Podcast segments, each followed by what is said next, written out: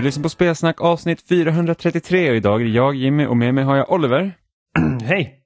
och Amanda. Goddagens.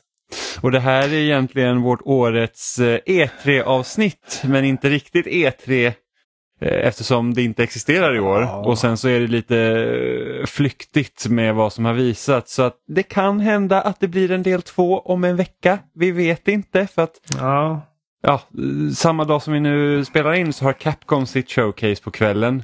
Men sen har det ryktats om att det ska komma en Nintendo Direkt. Det ryktas om att Ubisoft ska ha någonting igång. När och eh, hur sånt sker vet vi inte. Jag tror Square Enix ska ha någonting i slutet av den här veckan också. Så att vi får se. Så Vi det, vet bara att förmodligen. så det kanske blir att vi pratar igen om lite fake E3-grejer nästa vecka. Vi vet inte. ja Men det därför blir som blir- det blir. Precis, därför blir vårt lilla E- E3-avsnitt brukar ofta släppas på fredagar om någon är så nördig att de har koll på det. Men eh, det blir en onsdag den här gången eftersom ingenting är som det brukar. Eh, och egentligen är det två stora shower som har varit, eh, som vi har sett i alla fall, eh, mer av. Och det är ju eh, Jeff Keelys Summer Game Fest och sen är det Microsoft och Bethesdas showcase som de hade igår. Eh, eller i söndags.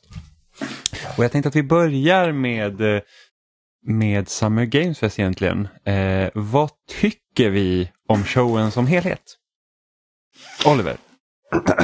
Eh, jag tycker att den hade en strong start, tycker jag. Eh, första här, halvtimmen kände jag att ja, men där, jag är inte jätteintresserad av allting som visas, men det känns eh, ändå aktuellt och, och, och spännande just nu. Och sen så halvvägs in kände jag att de tappar fokus lite och eh, eh, jag tycker inte de valde att sluta på det absolut mest spännande stället heller. Um, så att, ja, tre av fem. Mm. Jag känner det som var starkast för showen var ju det att de faktiskt hade två, eller de hade lite längre demos. För det känner jag det saknar oftast som man har sett liksom typ så här State of Play och även typ Nintendo Direct och även egentligen Microsofts eh, presskonferens är det att man man kör trailer på trailer på trailer så det gör att nästan allt smälter ihop medans Mm. i Summer Games Fest var det så att oh, men vi fick en, liksom en längre level på Modern Warfare. Vi fick se lite extra av The Callisto Protocol och sen så höll de väl inte riktigt tag i det hela vägen ut men det kändes i alla fall så här nice, man fick stanna och andas lite.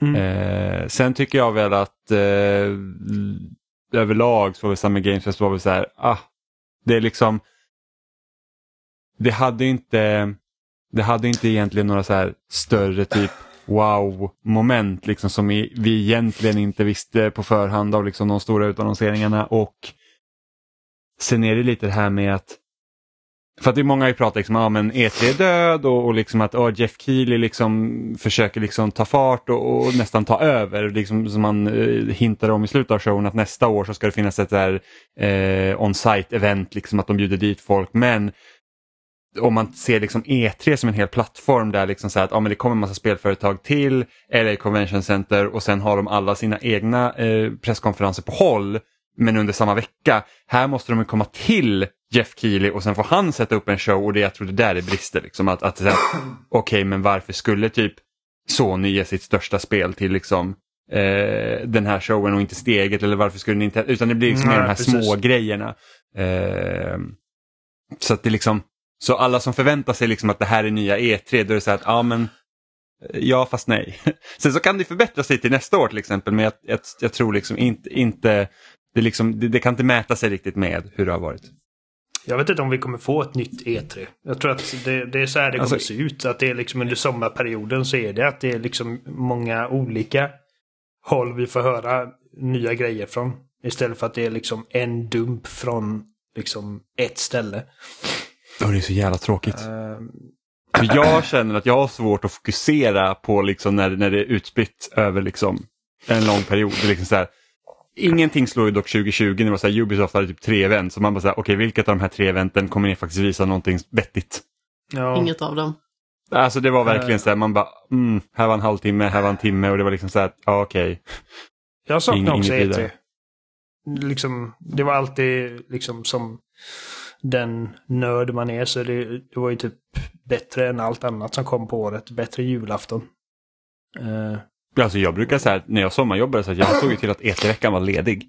Så att jag kunde Ja. liksom alltså kolla på, alltså vara uppe liksom och se så här intervjuer och så här, sitta uppe typ till fyra på morgonen. Liksom. Jag kommer ju ihåg, alltså mitt favorit E3-minne det är ju absolut när eh, eh, det måste ha, 2013 när liksom det kom där att ja, men Microsoft hade så här sitt konstiga med Xbox One att man inte kunde spela liksom eh, begagnade, Begagnade spel, spel. på den. Det var så här jättekonstiga liksom, eh, riktlinjer och, och, och sånt. Och sen så bara, ja, alltså Sony kommer göra likadant. De går så hårt på det här så varför skulle de inte ha det? Och sen så bara så här bam, bam, bam, bara helt och hållet bara så här krossade liksom den delen. Och det var så bara, oj, det kommer jag aldrig glömma.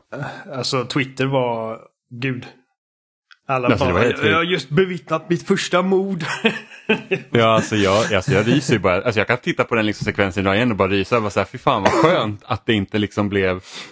Vilket var så himla lustigt med tanke på att begagnat handeln skulle alltid lösa sig självt med tanke på att vi går mer digitalt. Mm. Eh, ja, men jag, jag, jag saknar också E3 och att det är liksom mer kondenst och att det är en viss liksom energi man känner. Även för oss som inte är på plats. Liksom att man känner en viss atmosfär, en viss liksom entusiasm och ett visst liv som man inte ser någon annan del av året. Ehm, alla håller ögonen på ett ställe och eh, och inte bara, inte bara liksom olika konferenserna utan även liksom att få läsa mycket rap, eh, reportage och, eh, och intervjuer och grejer från liksom mässgolvet sen. Ja, Eh, eh, Eh, det var ju liksom nästan det absolut roligaste var liksom att även efter konferenserna kunde man se fram emot flera dagar av bara E3 coverage från alla möjliga olika sorters outlets.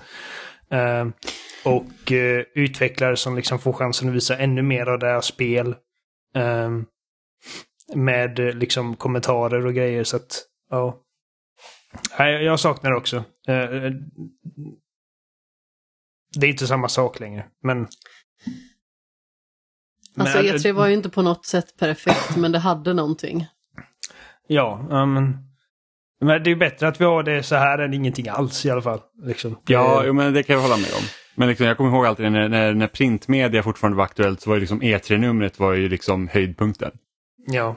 Det var liksom så här, okej nu kommer vi få läsa om alla spel liksom, som kommer komma och, och liksom alla så här nyheter då när man inte liksom fick det på internet. Liksom så, att man, så fort något, någon släppte en trailer så kunde man liksom se det två sekunder senare. Utan det var ju verkligen så att en gång i månaden fick man liksom en, en samling med liksom nyheter. Och man liksom åh, vad, är, vad är det liksom som ska hända? Eh, och det såg jag alltid väldigt mycket fram emot. Nu ska ju E3 komma tillbaka nästa år, har de ju sagt. Så får vi se vad som händer då. Mm, precis, de skulle bara forma om det lite granna och komma tillbaka och göra det större och bättre, eller vad de nu... Ja, Så. alltså problemet är ju det att s- som man liksom har kommit fram nu är det att ett, det har varit jättedyrt att vara på E3 samtidigt som de liksom tappade relevans. Och sen tror jag det var inför 2020 då innan pandemin slog till, då var det liksom tanken att det liksom de skulle satsa mer på influencers och sånt istället för pressen. Och det var ju liksom så här att då börjar man gå mer mot en fanshow av något slag så det kanske liksom det hållet Fan, man, de det. kommer gå till. Jag med. Alltså jag, What's up jag, guys? I'm here with Need for Speed, blah blah blah. This is the Ja. most awesome shit. Yeah, hit little like, subscribe, blah blah. Alltså, Ehm. jag tänker att influencers kan ju ändå komma in som press men jag, jag ser gärna att E3 är liksom ett pressevent och sen så får vi liksom så får vi eh, nyheter därifrån. Helt enkelt. Alltså, jag, jag säger inte att jag, att jag är helt övertygad om att E3 aldrig kommer tillbaka. Utan jag, jag tror bara att det aldrig kommer bli som det var. Liksom. Alltså, särskilt nu Ja, när de här utgivarna har insett liksom, att vi kan faktiskt göra vår egen grej. Utan att behöva punga ut och, och dyka upp på plats och, och, och alla, alla jävla huvudvärken som kommer med det. Ehm, Så är, så är det ju. Så det det kan ju. inte vara stressfritt liksom att, att, att dyka upp på E3 och anordna de här grejerna. Nej, nej, och sen Eh. liksom ha då en, liksom en deadline att det här ska du ha demot klart, här ska trailern vara klar istället för att Ja. säga okej vi ska ha ett event i sommar, vi ser vart det passar in bäst. Nu kanske det är jättestressigt ändå, det vet inte jag, men liksom att Ja men det är klart. Det är ju men ändå- alltså, det kan då vara kan man göra lite mera på egna liksom- villkor liksom. Och de har märkt att Ja. det funkar liksom. Folk kollar. Ehm, så att, Men det är ja, väl klart att folk se. kollar, men bygger det liksom lika mycket extas, undrar jag. Alltså jag kan tänka mig att typ för tredjepartsutgivare kan det vara svårare att få liksom samma genomslag då eftersom så här att om man liksom dyker upp på Microsofts liksom showcase eller Sony showcase när de hade det eh, och sen så typ två dagar senare så får man liksom ytterligare liksom en extended look liksom av det de visade upp på första så, så följer man med det. Medan liksom nu är det så här att ja, men Capcom har ju sitt showcase ikväll till exempel men det är inte Ja, det, jag tror knappast att det drar samma siffror som typ Xbox eller Nej, Sony eller nej, vad som helst. jag Liksom. Så att, och det, Särskilt det med gjorde säkert inte på tiden det E3. görs. Ja, men det gjorde det säkert inte på e, under E3 heller, men liksom att jag tror att de jag tror det kommer bli vanligare att de mindre utgivare syns på i så fall på de större liksom, eh, konsoltillverkarnas shower snarare än att de liksom har jättemycket eget. Precis. Ja, men, eh, jag, tror, jag tror mer att det är liksom att en, en utgivare som Sony exempelvis inte nödvändigtvis behöver dyka upp på E3. Nej, alltså de har ju gett upp på Eh. det. De var inte ens med sista gångerna. Nej, precis. Det var två De år sitt- i rad som de bara drog ur. Ja, de har, e- efter de Eh. hade sitt konstiga typ lada eh, show av eh, Last of Us 2 så har de inte varit på E E3. Mm. Jag, vet, jag vet att när jag pratat med industrifolk, alltså utvecklare och, och, och den typen av publik, så de sörjer ju förlusten av E3 mest helt enkelt för att det var liksom deras stora liksom, vecka där de bara fick träffa alla. Eh, Ja, och nätverkande. Det är väl det Precis. som är som, det, det, det tråkigaste då. Liksom att säga att oj, vi råkade åka en hiss tillsammans. Hej, byt kort och sen så blir det någonting av det. Men alltså det är ju någonting visst med typ så konvent och event och läger, alltså man bara går liksom ner på barnnivå. Alltså det här stora kollektivet som blir på något vis. Där alla existerar i en och samma sfär och liksom kan umgås.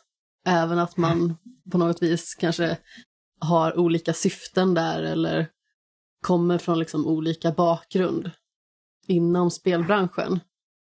Så blir det liksom någonting väldigt särskilt med att alla är på den här särskilda platsen.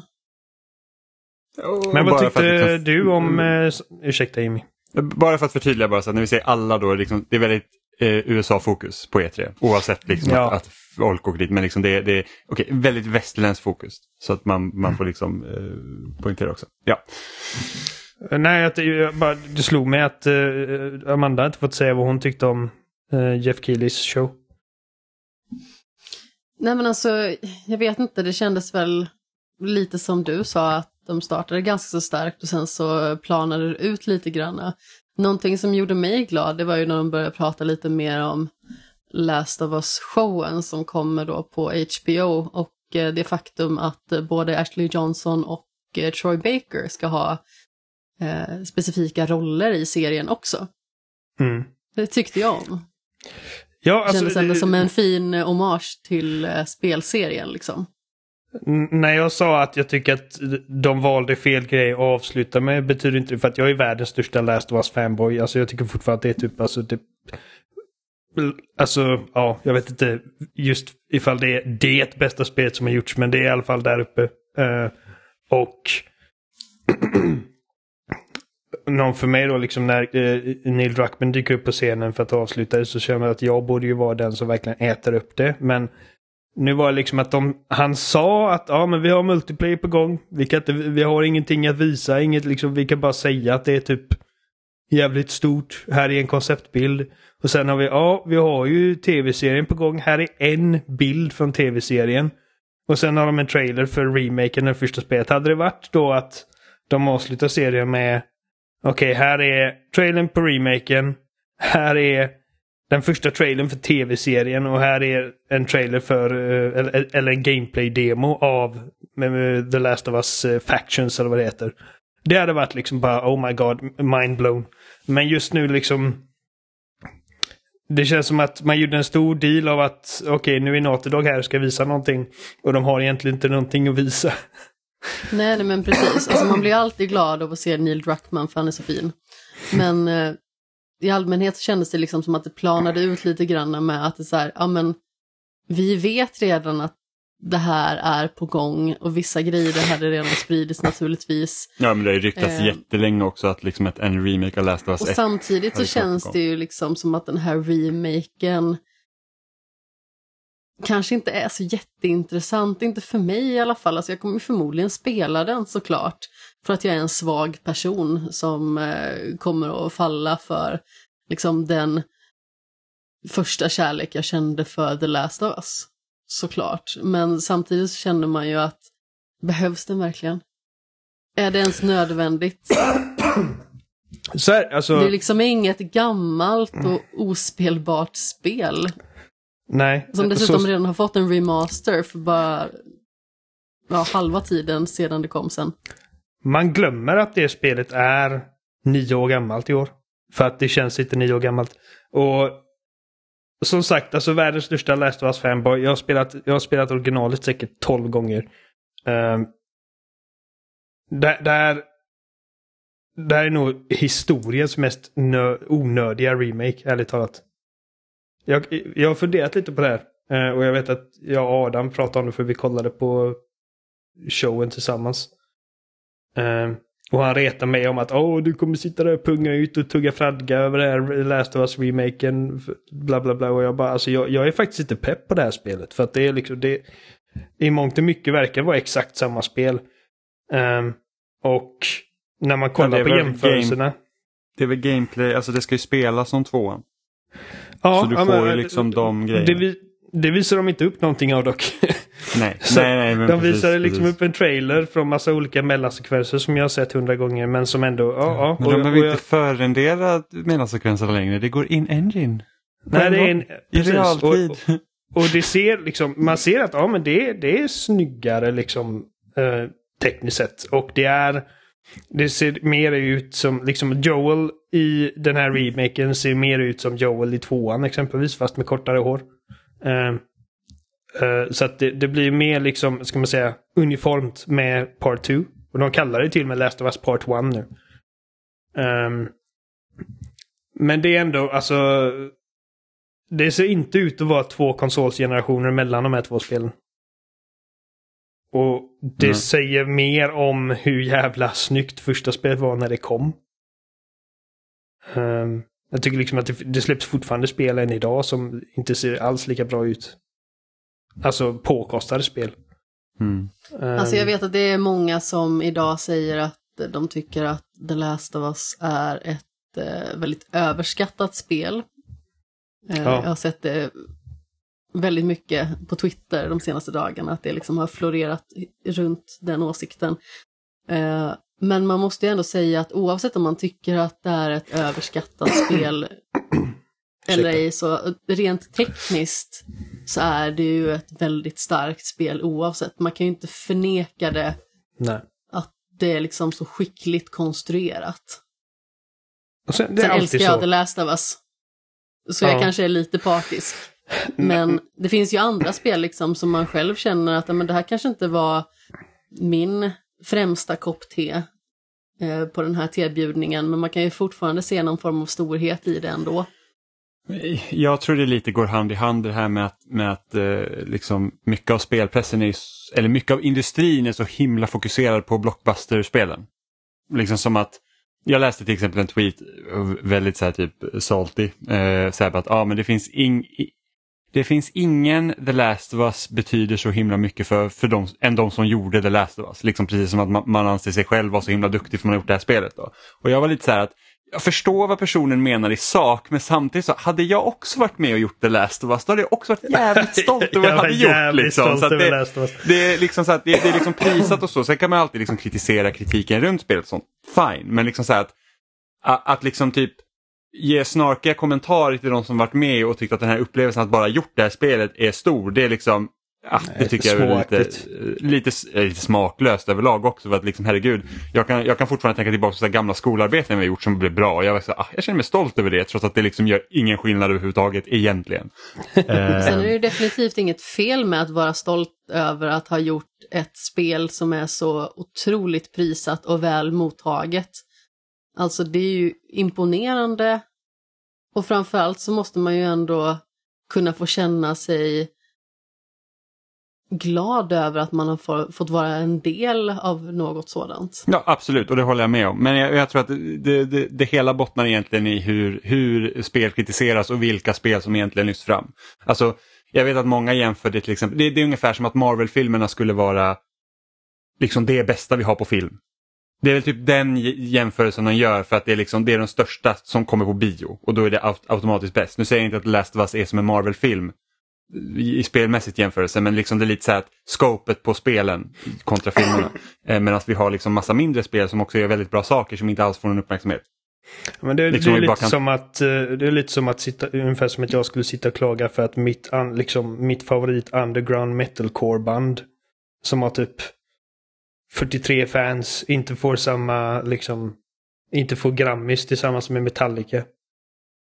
Så, Nej, nej, men man kan tycka att det är synd att det ser ut så. Alltså, så film tror jag, jag, jag har inte så stor koll på musik så jag kan liksom inte uttala mig om det, men liksom filmen, liksom, om man tänker då vilka filmer som prisas och vilka fi eh, filmer som folk ser mest, så är det ändå liksom en ganska stor skillnad där. Medan liksom, eh, de spelen som säljer mest och spelas av mest, det är liksom en och samma. Och, och få pris, liksom.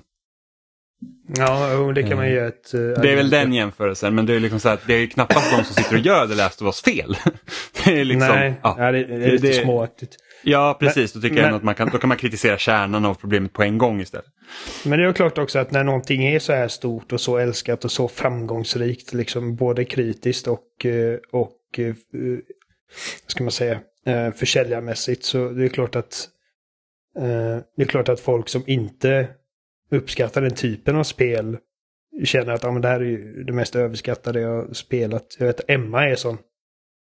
Eh, så, Ja, fort man, ju- så fort man nämner Last of Us så Emma bara "Ih, bajs. Fast Emma har inte, Emma har inte alltid varit sån. När Emma började med spelsnack så tyckte hon, så tyckte hon om Last of Us mer än vad hon ger sken av nu fall. Ja, Man blir cynisk och, Eh, och gnällig ja. på sina Men- äldre dagar. Men sagt, jag, tror, jag tror nog att jag är nog den som varit mest kritisk mot Last of Us. Skillnaden med oss som är under 30. Ja. Men av oss tre så är jag nog den som har varit mest kritisk mot Last of Us. Ja, ja. Eh, om man lyssnar men, tillbaka. Men du gillar ändå Last of Us? Ja, ja, ja, ja absolut. Alltså- Jag, jag, jag, jag, jag gillar Last of Us. Jag tycker, jag tycker för- första spelet är desto bättre än tvåan. Så att, eh, Jag är fortfarande den glada amatören i den här podden. Ja, vi har, vi har fan tio år av podd som lyssnar på oss. Vi kan ha alla dumma åsikter vi har haft genom åren. Jag tror, Men det, det är bra Det att vi, har- dig, Amanda. Vi håller oss tror- eh, unga. Ja. Jag tror det dummaste jag har sagt det var nog när vi höll på att kritisera Kickstarter. Jag tänkte så här, men de har ju fått in så här mycket pengar, varför ska de ha mer pengar för? Och då förstod man inte alls liksom budgetering och sånt bakom spel, hur mycket det egentligen kostar. Och att det som man får in på Kickstarter är en liten bråkdel av vad man faktiskt behöver. Jag har inte ens spel. reflekterat över vad det dummaste jag har sagt är. Alltså det måste vara en lång lista. Poontang. Poontang, nej det står jag för. Ja, eh, det... Jag står också för att du säger det Oliver. Eh, Men det var, det var en lite, man kan väl säga så här, det var väl lite tråkigt att avsluta på The Last of Us med tanke på att det är liksom så här att det är remake visst av ett älskat spel men som sagt det är inte som att vi inte har kunnat spela The Last of Us de senaste tio åren. Det är liksom, det kommer på Nej. PS3 och PS4 och man kan spela PS4-versionen på PS5. Och dessutom en och en halv en och en halv minut av bara liksom mellansekvenser. Liksom if, if, ifall det som verkligen drar nytta av att det är en remake är gameplayt så hade jag velat se mer av gameplayt. Eh, Ja men verkligen, det hade varit kul att se en sekvens där liksom så att den här, har man, liksom, kan man spelet utan och innan så känner man till den här sekvensen och sen få se liksom då alla gameplayförändringar i den sekvensen. Typ. Men alltså, Samtidigt en jag- remake av The Last of Us är ju liksom inte det slag i magen som man vill ha som en avslutning direkt. Ja, man vill ju ha någonting nytt. Någonting där man liksom känner att oh, det här hade jag inte väntat mig eller eh, det här är någonting som jag har längtat efter. Mm. Det är liksom någonting som väldigt lätt då sätter tonen för hur man känner för hela visningen. Det är ju så. Ofta så minns man ju det som är först och det som är sist. Mm. Men det kan ju också vara så att det kanske har varit någonting annat som skulle avsluta men har blivit liksom tillbakadraget i sista stund. Ja, det är möjligt. Man det vet vet vi inte liksom. Och sen så är det så att Jeff Keely kanske inte har heller den liksom, vad ska man säga, den, Pull. den liksom, ja, men den umfen att liksom han får de stora grejerna liksom som, som, som gör att man kan avsluta på en helt liksom så fantastisk grej. Eller liksom så här, wow, vad, vad, vart kom det här ifrån? Alternativt att inte det inte finns någon riktigt sån här, wow, vad är det här för någonting med tanke på pandemi och allting och att ingenting är redo egentligen. Det hade nästan Eh. varit mer logiskt att avsluta på Modern, Modern Warfare 2 i så fall. För att det var, det, Ja, det var den ja, men det spelen... hade- Visst, det hade varit skittråkigt. Ja, men, ja, för dig och mig ja. Men om man bara kollar liksom ifall man ska Och ta mig. det som har mest liksom eh, substans av det de visade. Så inget spel fick ju samma liksom tid. Bara rent Nej. spelmässigt som det spelet. Hade The Eh. Callisto Protocol inte visats på State of Play veckan innan så hade det också kunnat varit en bra avslutning. Ja, precis. Eh, men en- big deal är väl att Last of Us-remaken det skulle komma till PC också? va? ja. Det är inget att fnysa åt ifall man är liksom exklusiv konsolspelare eller PC-spelare. Nej, nej, Eh, precis. Så och är ju. samtidigt Eh, så är jag jävligt glad över att de fortfarande har exakt samma liksom, eh, performances som i original. Att de inte gjort om det. Ehm, liksom har tagit in Troy Baker och Ashley, i, eh, Ashley Johnson i studion igen för att göra alla scenerna en gång till bara för sakens skull. För att de fick till det rätt första gången. Mm. Och särskilt när man kollar på liksom making offs av den, liksom hur jävla, alltså de kunde göra liksom skitjobbiga scener om och om och om och om och om, och om igen bara för att få det rätt. Så att det hade känts fel att inte bara kopiera över det. Jag satt typ och grät i den här The Last of Us Grounded. Den eh, dokumentären. Mm. För att Ja, jag, jag, tänker fin. särskilt på den scenen för när, när de skulle spela in eh, Sarahs död. Och stackars skådespelerska, jag kommer inte ihåg vad hon heter, men hon som spelar Sarah, hon liksom fick ligga, ligga där i Troy Bakers eh, famn och gråta typ liksom i flera timmar. för att de, de aldrig fick till det och Troy Baker spelade över som fan, gastade och gormade. Eh, så att, ja nej. Det, jag rekommenderar den dokumentären för öv- övrigt. Den är, den är riktigt bra. Jag gjorde också. liknande för God of War också. Och jag tycker att det starkaste ögonblicket i hela den ehm, i, i hela God of War-dokumentären är när de sitter och pratar. eh, Jag kommer inte ihåg vad hon heter men eh, hon var eh, liksom tillsammans med Cory Barlog förmodligen den viktigaste personen på det teamet. Eh, jag måste bara kolla upp detta, jag skäms. Eh, Ja, jag, jag vet vem du pratar om. Ja. Eh, är det...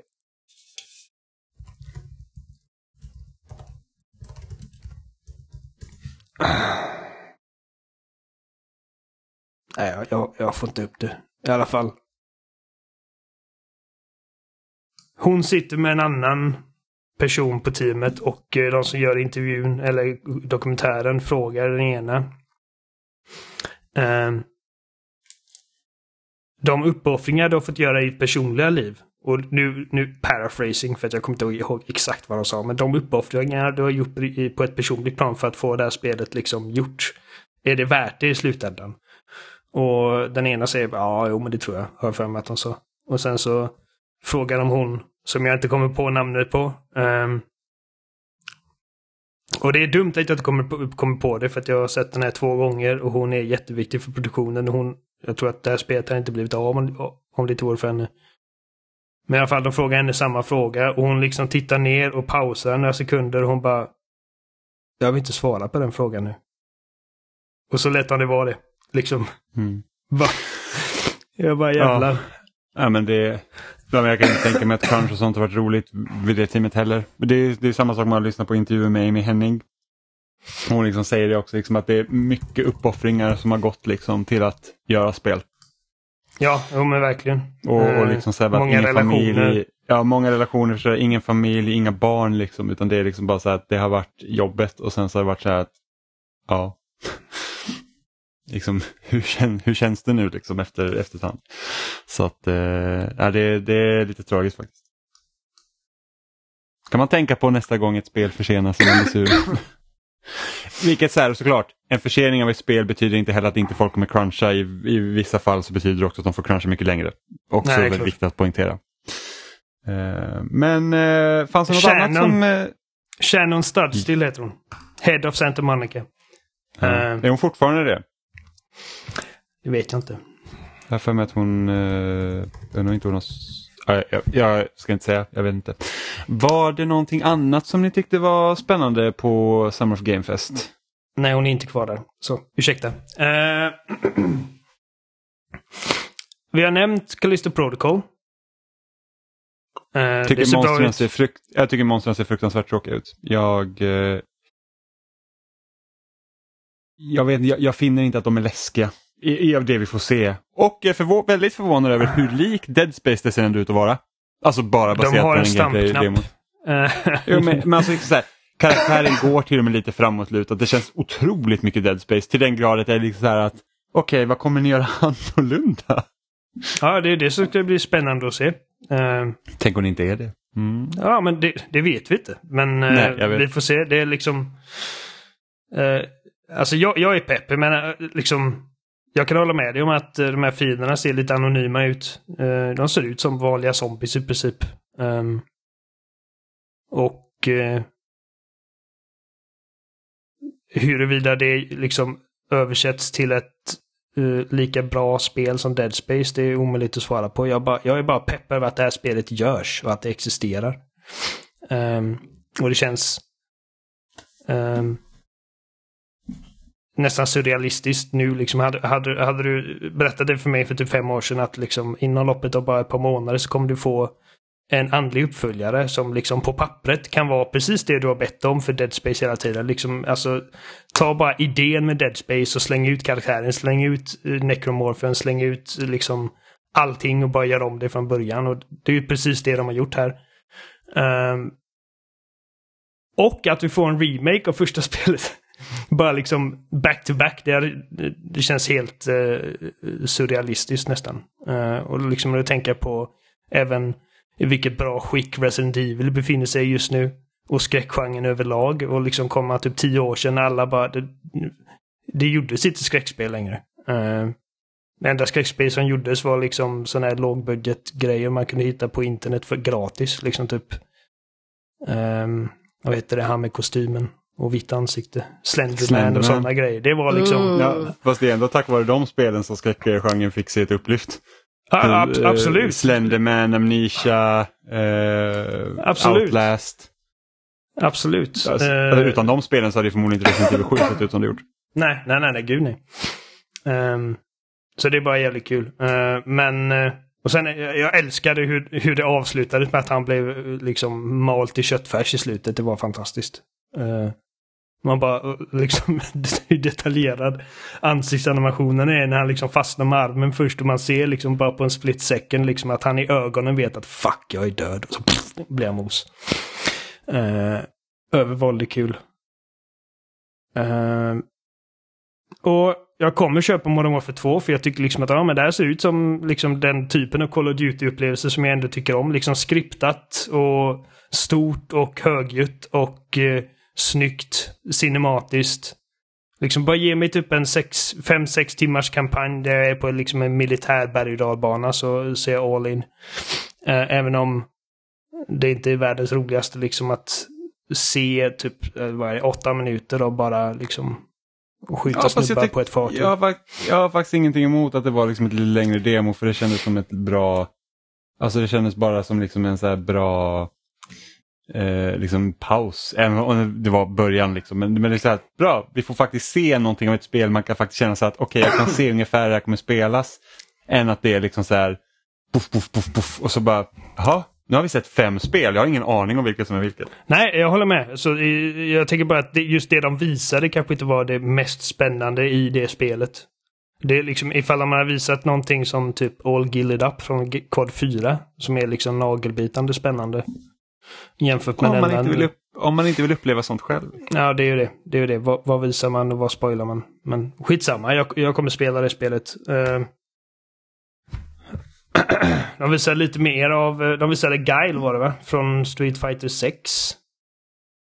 Uh, ja, precis. Och det har vi redan, redan nämnt att vi, du och jag tycker att det ser spännande ut och vi är sugna på att hoppa in. Ja, ja det är ju sån, det är en sån himla märklig eh, Alltså bara så en karaktär, så här, då känner man så okej okay, men någonstans kanske man kan trimma fettet lite. Liksom vi behöver inte, alltså det är typ som Cranky Kong i fucking Donkey Kong Tropical Freeze. Det är lite så här att, ah, kom igen lite. Ja. Eh, alltså jag har, alltså jag tror den största överraskningen för mig det var ju det att eh, Routine fick visas upp igen. Mm. Eh, och det är ju liksom, och det här spelet visades första gången på Gamescom 2012. Eh, ja, och jag tror att när vi, och när vi alltid gör sådana här årslistsammanfattningar på loading så har det varit så här typ att ah, men vilket spel ser du eh, mest fram emot nästa år? Och jag har alltid skrivit rutin liksom så här att ah, men jag hoppas det här släpps och sen liksom när det har tagit lång tid så har det liksom varit min ständiga bubblare. Liksom. så här, om en rutin när året det ska släppas. För att det hade ett releasedatum till 2017 och sen en vecka innan spelet faktiskt skulle ha släppts då var det så här att nej vi eh, förlänger spelet eh, liksom indefinitely. För att det, det är vissa grejer vi måste fixa här och sen har det varit knäpptyst. Det är typ någon så här, eh, jag tror det var en Kotaku-intervju för typ 2019 eller något sånt och de frågar liksom vad har hänt och de bara, men vi utvecklar fortfarande spelet och sen liksom så här Twitterkontona har varit liksom helt, liksom ingen uppdatering sedan 2017. Det händer ingenting på hemsidan och jag kollar med jämna mellanrum för jag bara så här, jag vill ha det här. Alltså, det är liksom så här, det, du är på en rymdbas, det är väldigt mycket så här 70-talstekniks estetik, liksom där VHS-band och, och liksom så här eh, Myrornas krig liksom i, i, stora tjocka skärmar. Och det här var liksom, när det visades första gången, då var det så här ett höjden av första persons skräck och sen började det liksom tissla och tastas om att VR-headset skulle komma och jag var så här, rutin plus VR, liksom, det vill jag ha. Eh, och så när, de liksom, när den här trailern började gå då, jag var så här, det där ser lite ut som rutin, det hade kunnat vara rutin, jag bara, men det, det kommer ju aldrig hända. Och sen var det det, det var lite så här, eh, fascinerande. så att Det blir jag nog mest glad över. Sen så är det väl lite tråkigt att det här första halvan av hela Kilis show var typ så här, ja men skräck och rymd, det är ett bra tema, vi går all in på det. Så det gjorde att liksom, alltså, det är inte så mycket liksom eh, ståhej kring det här för att allt såg liksom lite liknande ut. Vilket eh, är tråkigt då för, eh, för det här spelet. Men Routine var följt... också andra gången jag blev baitad. Jag tror att vi var, var på väg mot en Alien Isolation 2 eh, utannonsering. Ja, men det här jävla första Alien-spelet de visade. Eh... Det verkar vara en Twin Stick Shooter. Ja, men precis. Det var så här att det gick från att se kan det här vara någonting Alien Isolation till att vara så här, jaha det är en sån och sen så, mm. ja. Så inte för att uh, hacka ner på det. Det var bara Nej, inte men alltså, vad det är vi ingenting... ville ha direkt. Nej, alltså Alien Isolation om man inte har spelat det, det är ett alltså, jag skulle säga att det är ett av förra generationens bättre spel. Det är liksom, jag tycker att det är helt fantastiskt. Speciellt liksom om man då saknar ett spel som Dead Space. Så är det liksom i princip ett Dead Space i första person. Mm, för det kom ju runt den här tiden då genren sakta började liksom eh, återställas igen samma år skulle även Evil Within 1 komma, vilket, jag menar, idag är det ingenting. Jag tänker inte på Evil Within 1 som någon sorts, ska man säga, revolution för den genren, men, men då, liksom när det utannonserades så var det verkligen, oh, det här är typ nästa Resident Evil 4. Uh, eh, så att, uh, ja. Jag tänkte på Amanda när de visar Fall Guys Season 1. Uh, eh,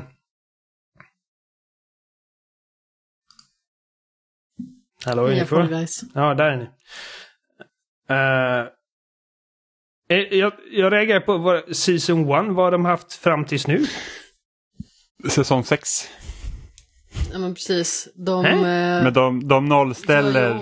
Ja, de nollställer. Spelet går ju free to play den 21. Eh, när det kommer till alla andra format också. Okej. Okay. Så att då, då blir det, då antar jag att man kommer få börja betala för Battle Passet och, och lite sånt. Ehm, så det blir liksom, det blir mer som ett live service-spel som många andra. Okay.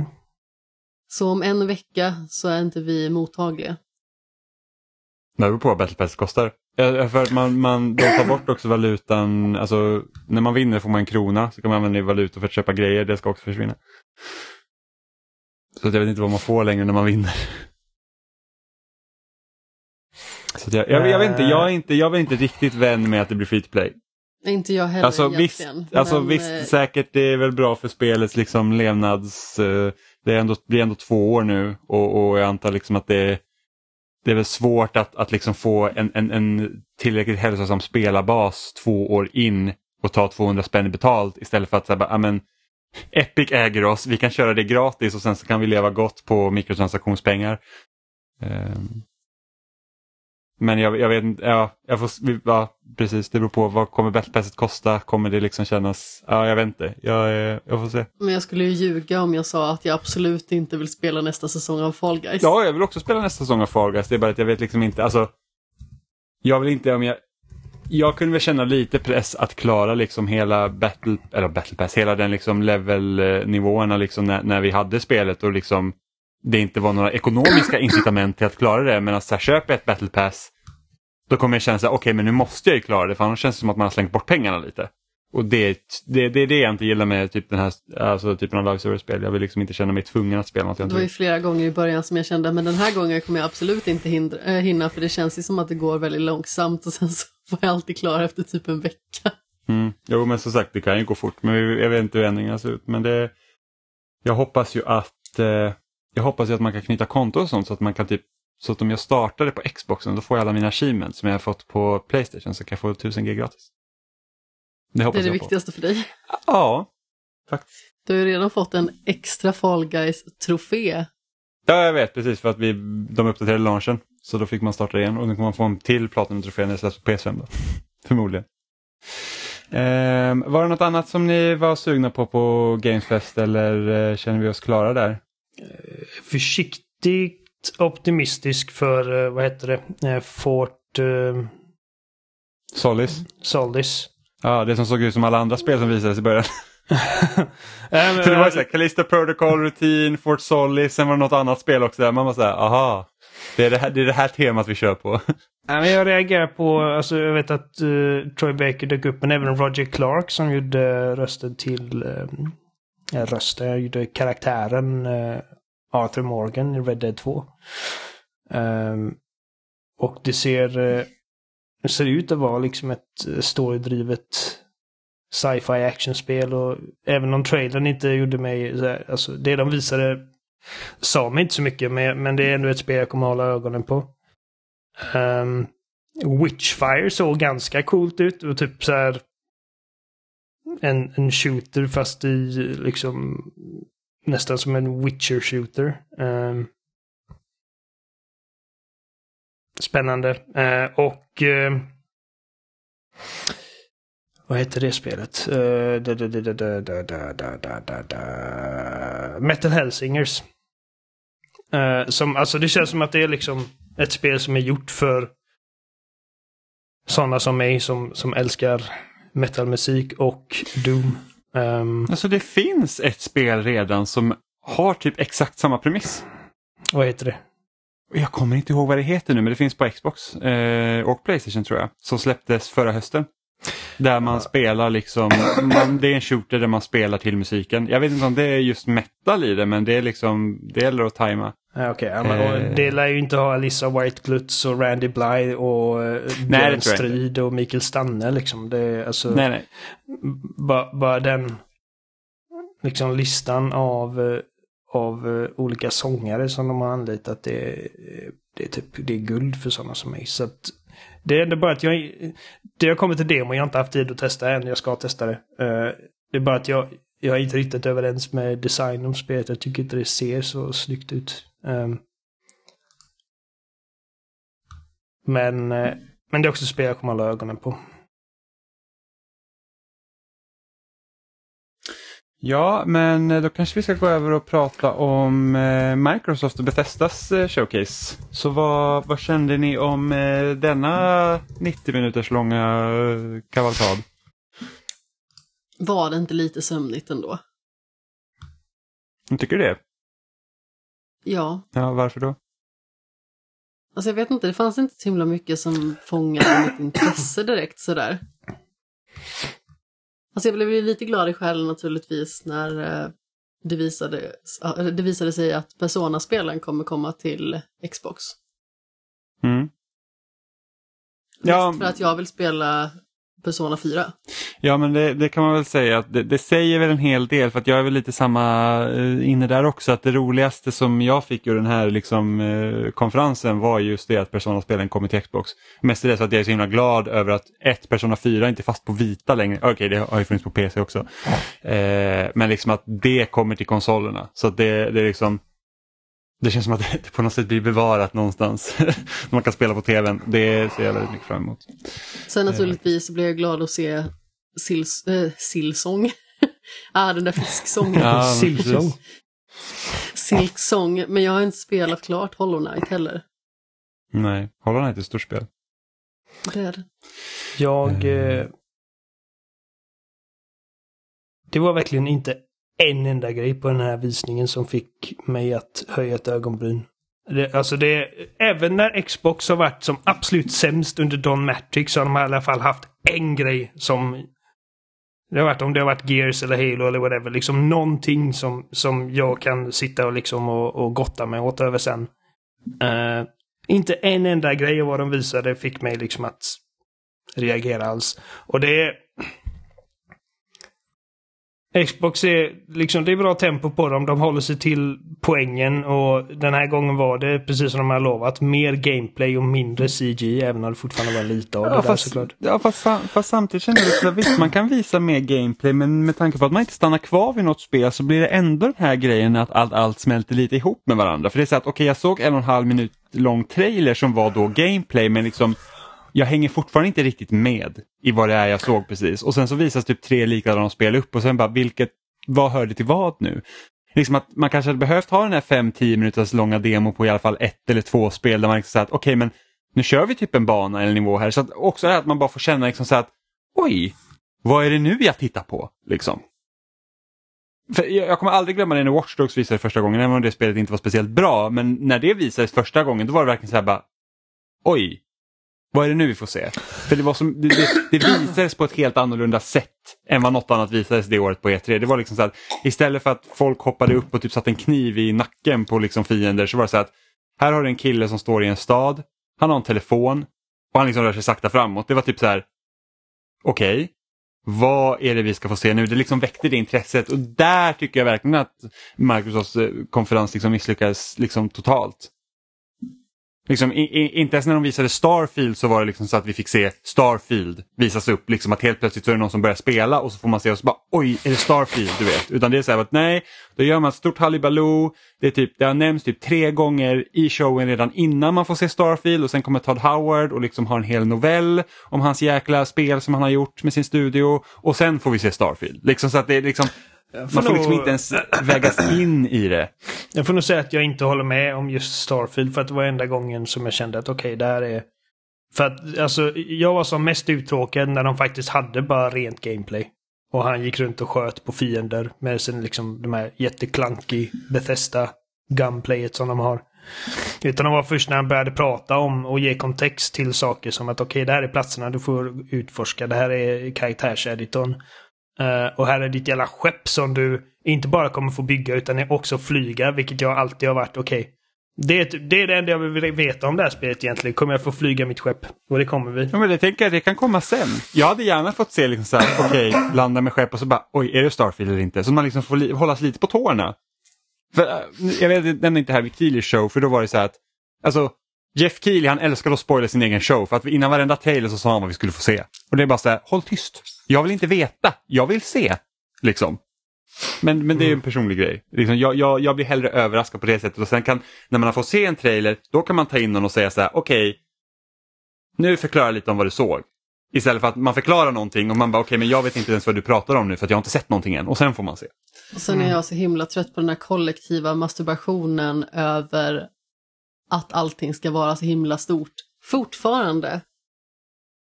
Att saker ska bara vara så extremt expansivt och växa. Och det finns liksom så lite fokus på var kvaliteten sitter. Sitter kvaliteten i kvantiteten? Nej, jag tror inte det. Och när det faktiskt utannonserades att Starfield ska ha tusen planeter, ja. och då blev jag väldigt avtänd måste jag säga. Ja, Det var- det oroar när- mig när- också. När han sa det så sa jag okej, det här spelet kommer suga. för men först för- sa han liksom- liksom att okej, här är en planet. Du kan landa i den här staden och du kan landa på resten av planeten. Och jag bara oh. Och så säger han okej, och du kan göra det på resten av planeten i det här stjärnsystemet. Jag bara okej, så de har typ så här 7, 8, 9, 10 liksom planeter som alla känns olika och ger det sen bara Åh, det finns 100 stjärnsystem med 1000 planeter. Jag bara fuck you. Alltså 99% av innehållet i det här spelet kommer vara bajs. Men det, det är också här liksom att, för att det här har vi pratat om innan liksom, hur ska de, för som jag sagt, jag älskar ju Skyrim för att den världen är så bra sammansatt. Liksom att jag kan gå från syd till norr och liksom upptäcka massa roliga grejer. Eh, och det känns, som att helt, det känns verkligen som att jag är i Skyrim. Eh, och då var det så här, hur, ska, hur kommer det vara i Starfield när det är massa olika planeter? För logiskt sett så har man inte typ tio gigantiska planeter fyllda liksom med, med liksom liv. Eh, och, då, och, då, här, och då tänkte jag så här, när han sa liksom att du kan landa var som helst på planeten, jag bara det här bådar inte gott. För jag, jag, jag, bara, jag då. misstänker vart det här ja, ja, jag, bara, jag misstänker vart det här är på väg. Och så bara zoomade jag ut solsystemet och jag bara, ah, ja okej, det är typ nio, åtta planeter kanske där. Och sen så bara, puff, och jag var så här, det här är fan No Man's Sky, all fucking over again. Ja. Och då var ju liksom, No Man's Sky såldes ju inte in som ett narrativt drivet spel på samma sätt som ett Befästa RPG är. Liksom, du har ju stories och sånt i det. Eh, Men de visade upp en bild med ett solsystem där det var liksom, precis som ni säger, typ så sju, åtta himlakroppar. Då kände man fortfarande att det på något sätt var greppbart. Ja. Alltså det här är vad jag ser, det här är vad jag får, det här kan jag zooma in på och komma in på djupet i, även att det kanske är jättestort. Men när de liksom öppnade upp i vid vinkel ytterligare, då blir jag himla stressad.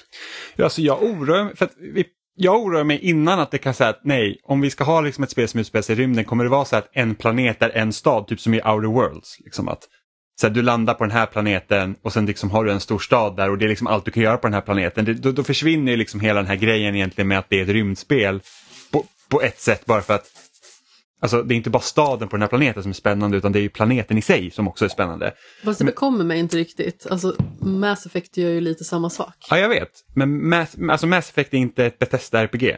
Liksom att, att mycket, av behållningen, Såklart. mycket av behållningen av Bethesda-spel för mig i både Skyrim och Fallout till exempel, det, eller Oblivion, eller Scrolls och Fallout, det är det att du har liksom den här världen, jag kan liksom bara så här, jag kan gå i en riktning och så får jag se massa saker. Och det, det, det förhindras ju om du bara har liksom, den här planeten är en stad. Men det orosmolnet jag har nu istället med det här, den här planeten som de visar upp vad det nu hette med den här jättestora staden. Kommer det vara den enda staden på hela planeten? Det är liksom, här, okej jag kan gå över allt annat men liksom all be, alltså bebyggelse är där typ. Det är liksom så här, Men, äh, på en, på en, en bebodd planet. Ta, tänk om jorden hade varit en, en planet där. Jag vet att man inte kan Ja, göra en planet som jorden i ett så här spel men liksom, det är ju hur mycket städer som helst och länder och Ja, sånt. Jo, men det är ändå liksom rimligt liksom att, att mänskligheten bara hunnit populera en stad på en planet liksom.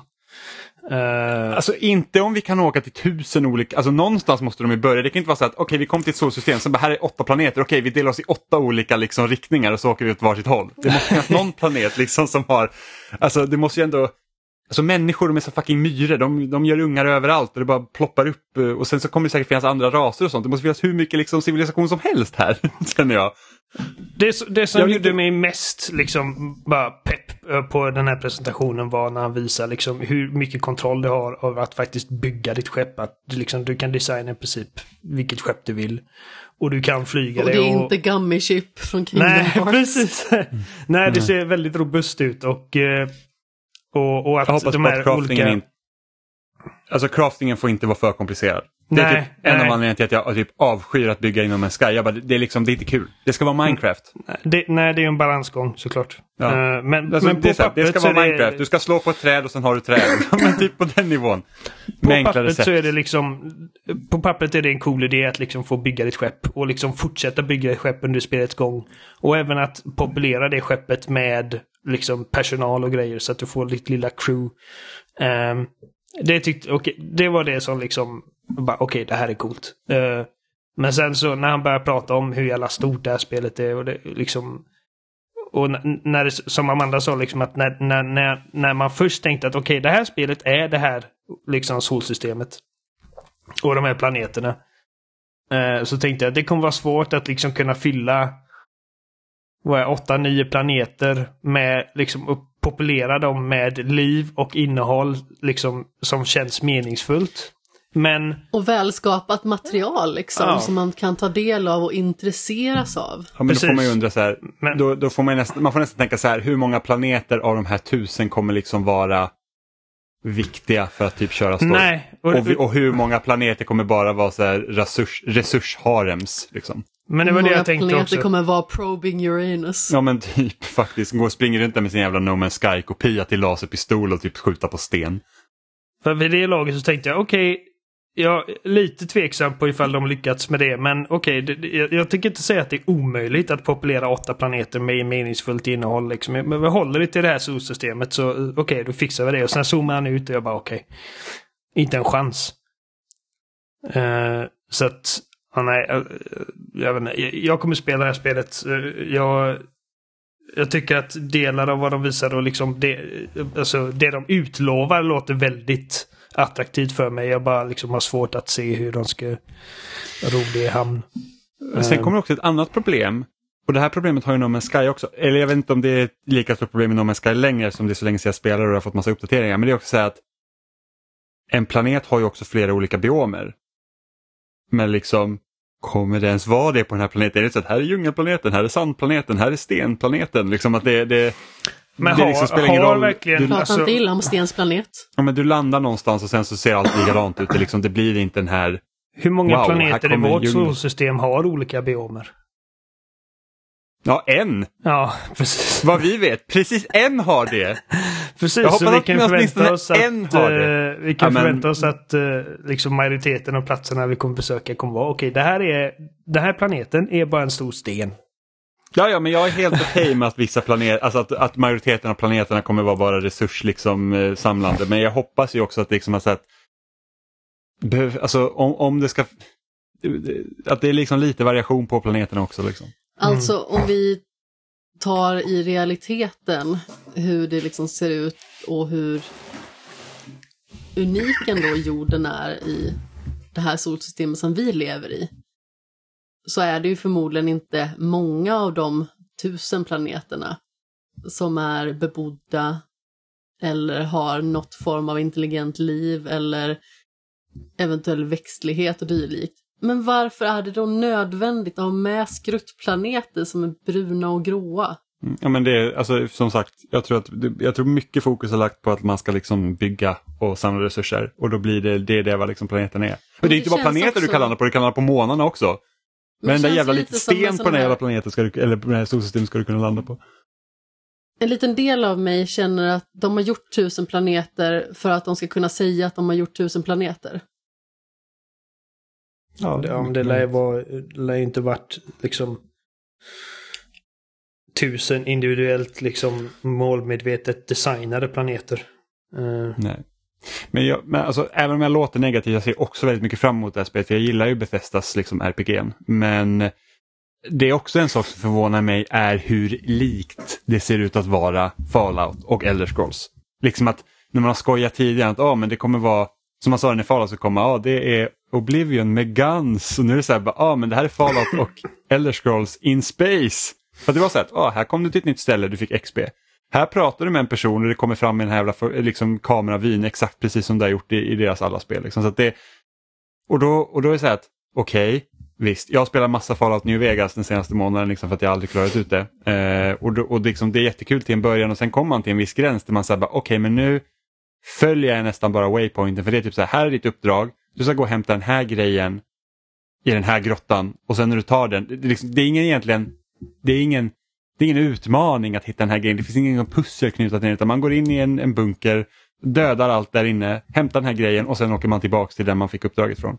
Och det är väldigt så att är det den typen av uppdrag som också kommer bara vara som kommer vara fyllt med det här spelet, då tycker jag att det är lite synd. Att man liksom inte försöker göra det också på ett annat sätt. Ja, Jag vet inte, det är svårt att förklara men liksom så att det, det, risken finns ju också att det blir så jättemonotont när det är så pass stort också.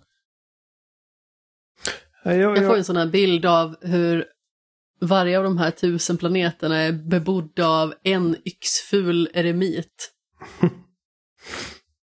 Bara för att de liksom inte haft tid och resurser att lägga krut på hur karaktärerna så ska se ut ens. Jag lovar dig att det finns säkert en måne där det bara bor en person på.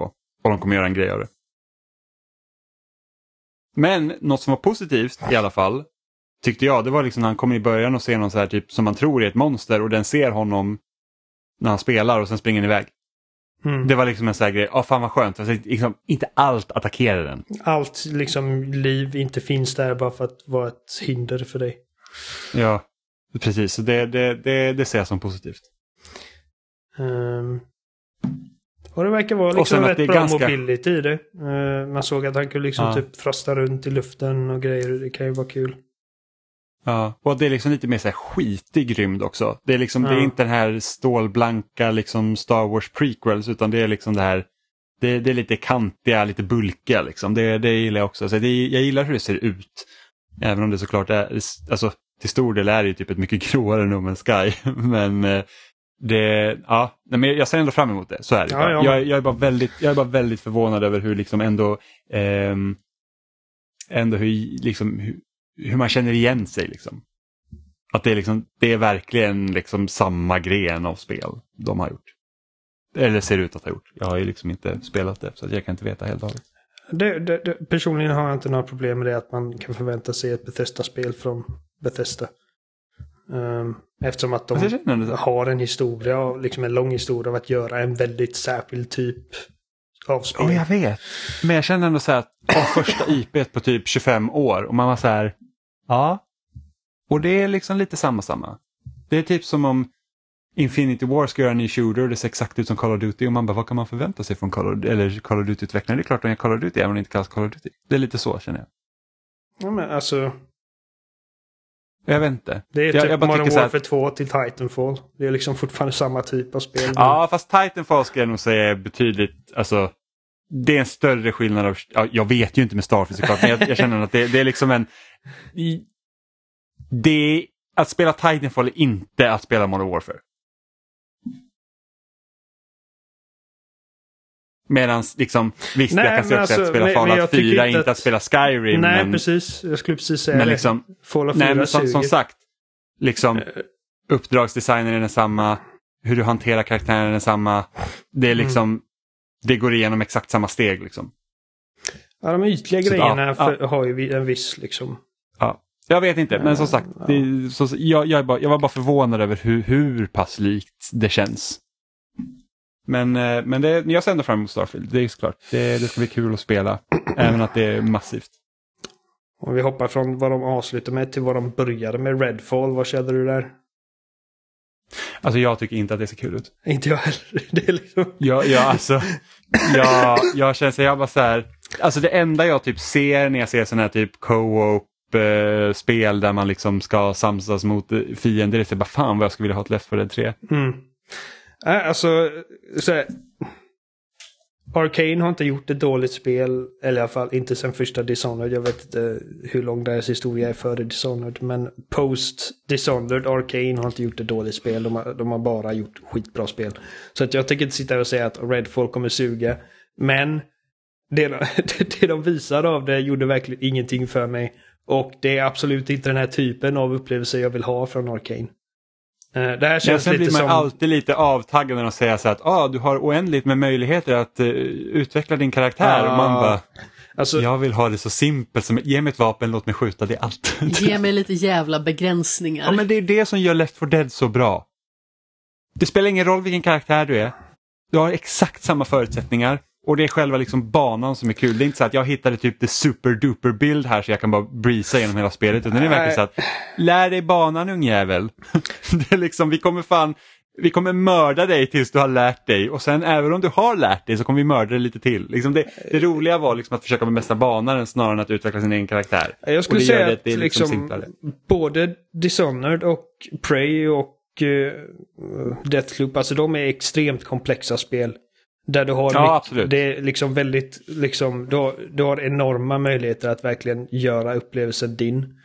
Eh, men när det kommer till sån här, den här typen av multiplayer-spel, run and gun med dina kompisar, så håller jag med dig. Då vill jag inte ha den här komplexiteten. Jag, jag vill ha en noggrant designad och liksom bara regisserad upplevelse. Eh, enkelt att hoppa in i.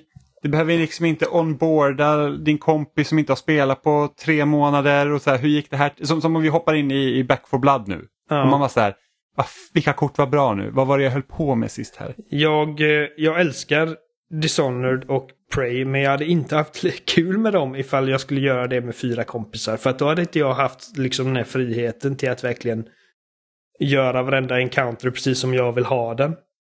Ehm, det, det, som, vad hette det spelet? Uh, skitsnyggt.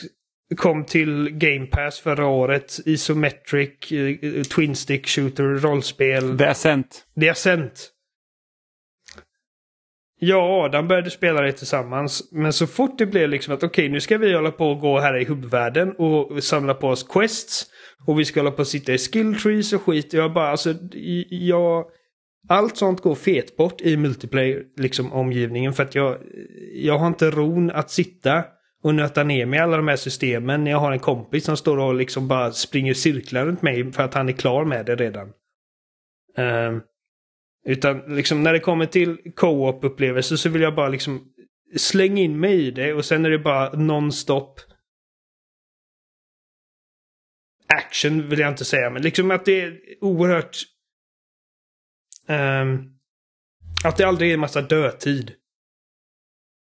Mm. Och nu vet jag inte ifall det kommer vara massa dödtid i Redfall, men jag förmodar att, det liksom att jag kommer behöva sitta här med mitt jävla skilltree och liksom noggrant läsa varenda jävla alternativ jag har med den här skillpointen jag ska använda.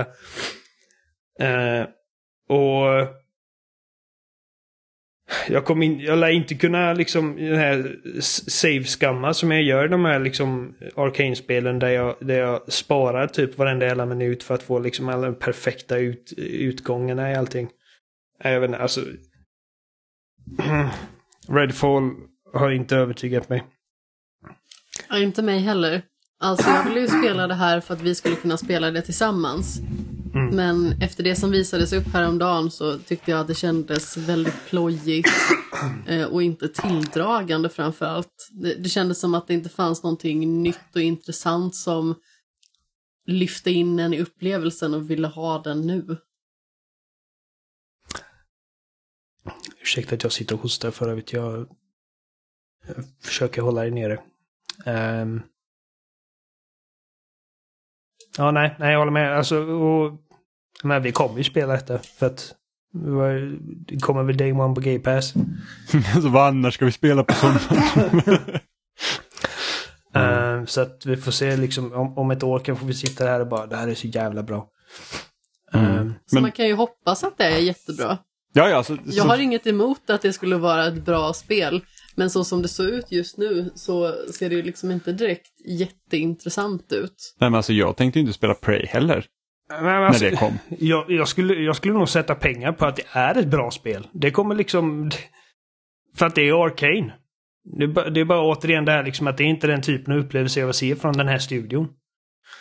Mm. Um, men, men jag tänkte då om du inte vill sitta liksom i, i skilltrees och sånt så då går typ Diablo 4 fet bort, bort för dig då? Ja, fuck that. Det är dessutom isometriskt. Mm. Alltså jag har ju jag har försökt med spel som Diablo och, liksom, och jag kommer liksom aldrig in i dem. Nej. Jag vet inte varför. Det är liksom, jag har Diablo 3 och jag var så här, jag tycker inte det är speciellt kul. Jag har försökt med eh, Torchlight och det är liksom så här, mm, det enda spelet jag faktiskt har gjort som är lite liknande det är Minecraft Dungeons som jag spelade med Robin en sommar. Mest otippat känns ju att jag har tagit mig igenom allting i Diablo 3, Reaper of Souls. Mm. Ja, men jag har ju varit sugen lite på att kanske du och jag ska spela Diablo 3 och liksom bara bränna igenom och se hur det är när vi spelar tillsammans, liksom sitter bredvid varandra. Men det tar lite emot. Jag vet inte varför. Jag, jag, jag känner inte riktigt för det här liksom att man ser det här ovanifrån vyn och sen så typ bara slaktar man massa fiender bara för att typ gå upp i level. Och loota. Det är typ så att du ska, du ska klara, ja precis och loota. Du ska klara ut spelet en gång och sen så bara, nu kan du köra på svårare svårighetsgrad. Och så ska man liksom göra allt igen bara för att bli stark och hitta bättre gear. Det är så här bara, ja fast ja nej. Inte, inte, det är inte riktigt vad jag liksom är, är sugen på. Så. Jag är sällan intresserad av att spela om spel. Däremot så kan jag tycka att det är väldigt mysigt och underhållande under tiden. Mm. Oavsett vilken vy eller liksom vilken sorts spel det är. Men när det kommer liksom till att man ska spela om spel flera gånger för att kunna få nya uppgraderingar och få nya slut och sånt. Där är jag väldigt selektiv. Jag känner till exempel Citizen Sleeper som vi pratade om förra veckan. Där hade jag gladeligen kunnat gå tillbaka ännu mer och få fler slut så att man får se de här olika utfallen. Mm. Jag ska komma en gratisepisod nu i juli. Oj. Jag fick inte Hallå, känslan av att Diablo 4 är ett spel som det är tänkt att du ska spela om och om igen med tanke på att de säger att det är typ en enorm öppen värld som tar typ 500 miljarder timmar att uh, se allting av. Ja, men det, om, om jag jämför med hur Diablo varit tidigare så är det liksom så ja. att du spelar på en viss svårighetsgrad och sen för att få bättre gear så ökar du svårighetsgraden. Så att jag vet inte, det, det, jag kan tänka mig att när du går, det kanske är som Destiny, när du går in i en dungeon då får du välja svårighetsgrad. Exempelvis. Jag, jag, jag, för att, så som jag minns att Diablo 3 var, då har, du har ju liksom en overworld där du liksom så här, en by som du går i och sen väljer du liksom väga vart, alltså du väljer sen typ att det här, nu ska du göra det här och då kommer du in i en instans och då kan man välja svårighetsgrad tror jag. Jag tyckte det såg fräckt ut men jag, jag, jag, som sagt jag tror inte att jag kommer gilla det bara därför. Men det fanns ett annat spel som jag tror att, som jag tänkte att du kanske var lite mer sugen på Oliver. Det var det här, undrar om det är kinesiskt, det här Wolong, Fallen Wolong, Dynasty. Ja. Eh, och, jag skulle precis nämna det. Att det tillsammans med Hideo Kojima grejen de hade är ju liksom som, saker som på pappret borde göra mig uppspelt som fan. Men, men för Wolong fick vi en CGI-trailer som inte sa så mycket. Och för Hideo Kojima fick vi bokstavligen ingenting. Bara liksom bekräftelsen av att eh, ja men jag har ett spel på gång. De bara, allt ni kommer se idag kommer ni kunna liksom spela på Xbox ja från men det är sant. Vi fick inte se hans spel. Nej, vi fick inte se hans spel. Nej, men vadå, ska vi spela Hideo Kojima fram tills nästa E3? Eh, det, det, ja, men, det är spännande. Eh, även om jag liksom har mindre tillit till att Hideo Kojima gör den, uppleve- liksom den typ av upplevelse som jag gillar med tanke på att Death Stranding var... Jag kan inte bestämma ifall jag ty- tycker om det eller inte det spelet fortfarande. Eh, jag tycker om delar av det. Mm. Det är bara så jävla konstigt. Men Jag, tycker om, jag tycker att de borde ha dragit ner ännu mer på striderna i det spelet och verkligen gjort det till liksom att, att det, du, du ska inte ha liksom vapen riktigt så utan du ska leverera paketen och sen får du ha andra verktyg för att liksom klara dig runt. Det Mm. hade jag tyckt var bättre. eh, De här jävla snöiga bergen, för helvete. Ja. Men, med, det kan vara liksom att han gör någonting som är precis lika konstigt och bara flummigt som Death Stranding. Eller så är det att ja, han gör ett skräckspel eller någonting. Det är liksom, ja det är precis. Jag tror att om jag fick välja exakt vad jag vill att Hideo Kojima ska göra härnäst så är det nog ett skräckspel. Eller så Eh. har Microsoft hittat något konstigt sätt att använda hans talang på så det blir typ så streaming only eller något sånt. De bara power of the Ja, cloud. det var det enda de nämnde om det här spelet. Var liksom Kojima att i molnet. molnteknologin ska till, Ja. liksom, och, och jag har ingen aning vad det betyder. Det låter inte sexigt, men vi får se. Men det här är Wolog, som, alltså Team Ninja. Nu för tiden kända för Nio, men som för mig alltid kommer vara liksom uh, Ninja Gaiden-studion. Ehm, jag läser här på Games Radar. Detta framkom, eller framgick inte för mig när jag såg det, men de gör detta tillsammans med W4 som är Dynasty Warriors-utvecklarna. Vilket... ja men om, om det är det vi har att vänta oss, liksom eh, typ en Dynasty Warriors upplevelse så, så är det inte direkt vad jag... Då lär jag nog inte ens spela det alls tror jag. Eh, Mm. Ja, nej, jag har aldrig förstått tjusningen i Dynasty Warriors. För att det är så här att, jag vet inte, så kul är det inte att gå runt och slå på en massa fiender bara. jag kan förstå tjusningen liksom. Alltså det, det, det är olika vad man, vad man vill ha från, från sina spel såklart. Jag menar, eh, Ja, men det, det, är, liksom, det är ingenting för mig. det är, ja. nej, precis. Det, det är en power fantasy. Liksom att du, du jonglerar typ 300 fiender på en gång med ett svärd. Liksom. Och det... Och, du känner dig väldigt mäktig. Eh, om detta är mer åt Ninja Gaiden-hållet än Dynasty Warriors.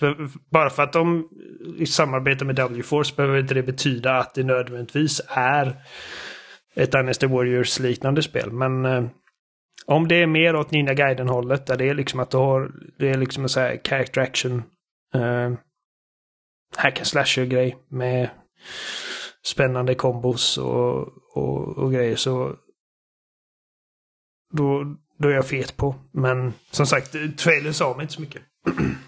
Jag hoppas för din skull Oliver att det är mer åt det hållet som du vill att det ska gå än Warriors-hållet. För det är verkligen ingenting för mig heller. Jag har testat både Hyrule Warriors och jag har testat Fire Emblem Warriors. Testade inte du Hyrule Warriors på 3DS? Det gjorde jag. Ja. Men alltså grejen är ju den liksom att jag testade ju Fire Emblem Warriors bara för att det är Fire Emblem. Mm. Och det var ju verkligen inte roligt. Jag förstod inte tjusningen överhuvudtaget.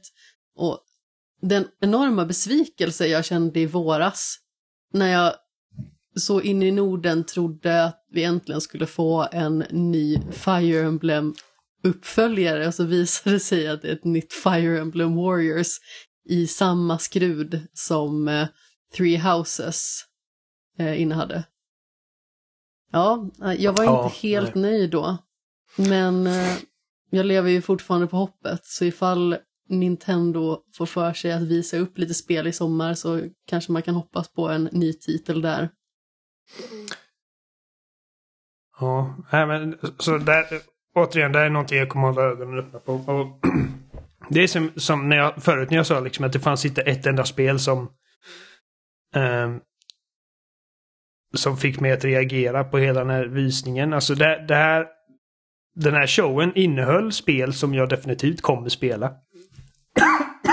Men det är liksom inget den här så oj vad är det där liksom. Nej, och jag hade ändå, liksom, jag försökte ändå hålla låga förväntningar och jag tror att det är den största anledningen till att jag ändå tyckte Summer Games Fest var helt okej. Okay. För att jag hade verkligen inga förväntningar på det. Eh, för att jag visste inte vad jag skulle sätta förväntningarna. Medan här så förväntade jag mig liksom, ja men eh, Microsofts E3-motsvarighet. Um, ehm, och alltså det ska ändå, det ska ändå poängteras liksom vilken jävla bra deal Game Pass är. Um, alltså nästan alltid vi fick se här hade liksom Day One med Game Pass bla bla bla bla. Uh, och... Ja, och speciellt de ska ju börja, de har ju samarbete med Samsung där Xbox Game Pass-appen ska komma till uh, nya tv-apparaterna som kommer i år. Mm. Uh, vilket gör att du inte behöver ha en konsol längre. Uh, då är bara frågan så här, måste du köpa en handkontroll då? liksom du kan ladda ner Game Pass-appen men du kan inte spela. Precis. Spela på fjärrkontrollen. och sen så, och de ska även göra så att du i princip kan spela alla dina spel du äger via molnet. Mm. Eh, vilket gör att du egentligen kan, alltså du kan ju i teorin spela dina spel överallt idag också så länge din maskin är på och du har liksom internetuppkoppling till telefonen eller vad som helst så man kan liksom köra remote play. Men det här blir också så att din maskin behöver inte vara på utan du kan bara hämta ner från molnet.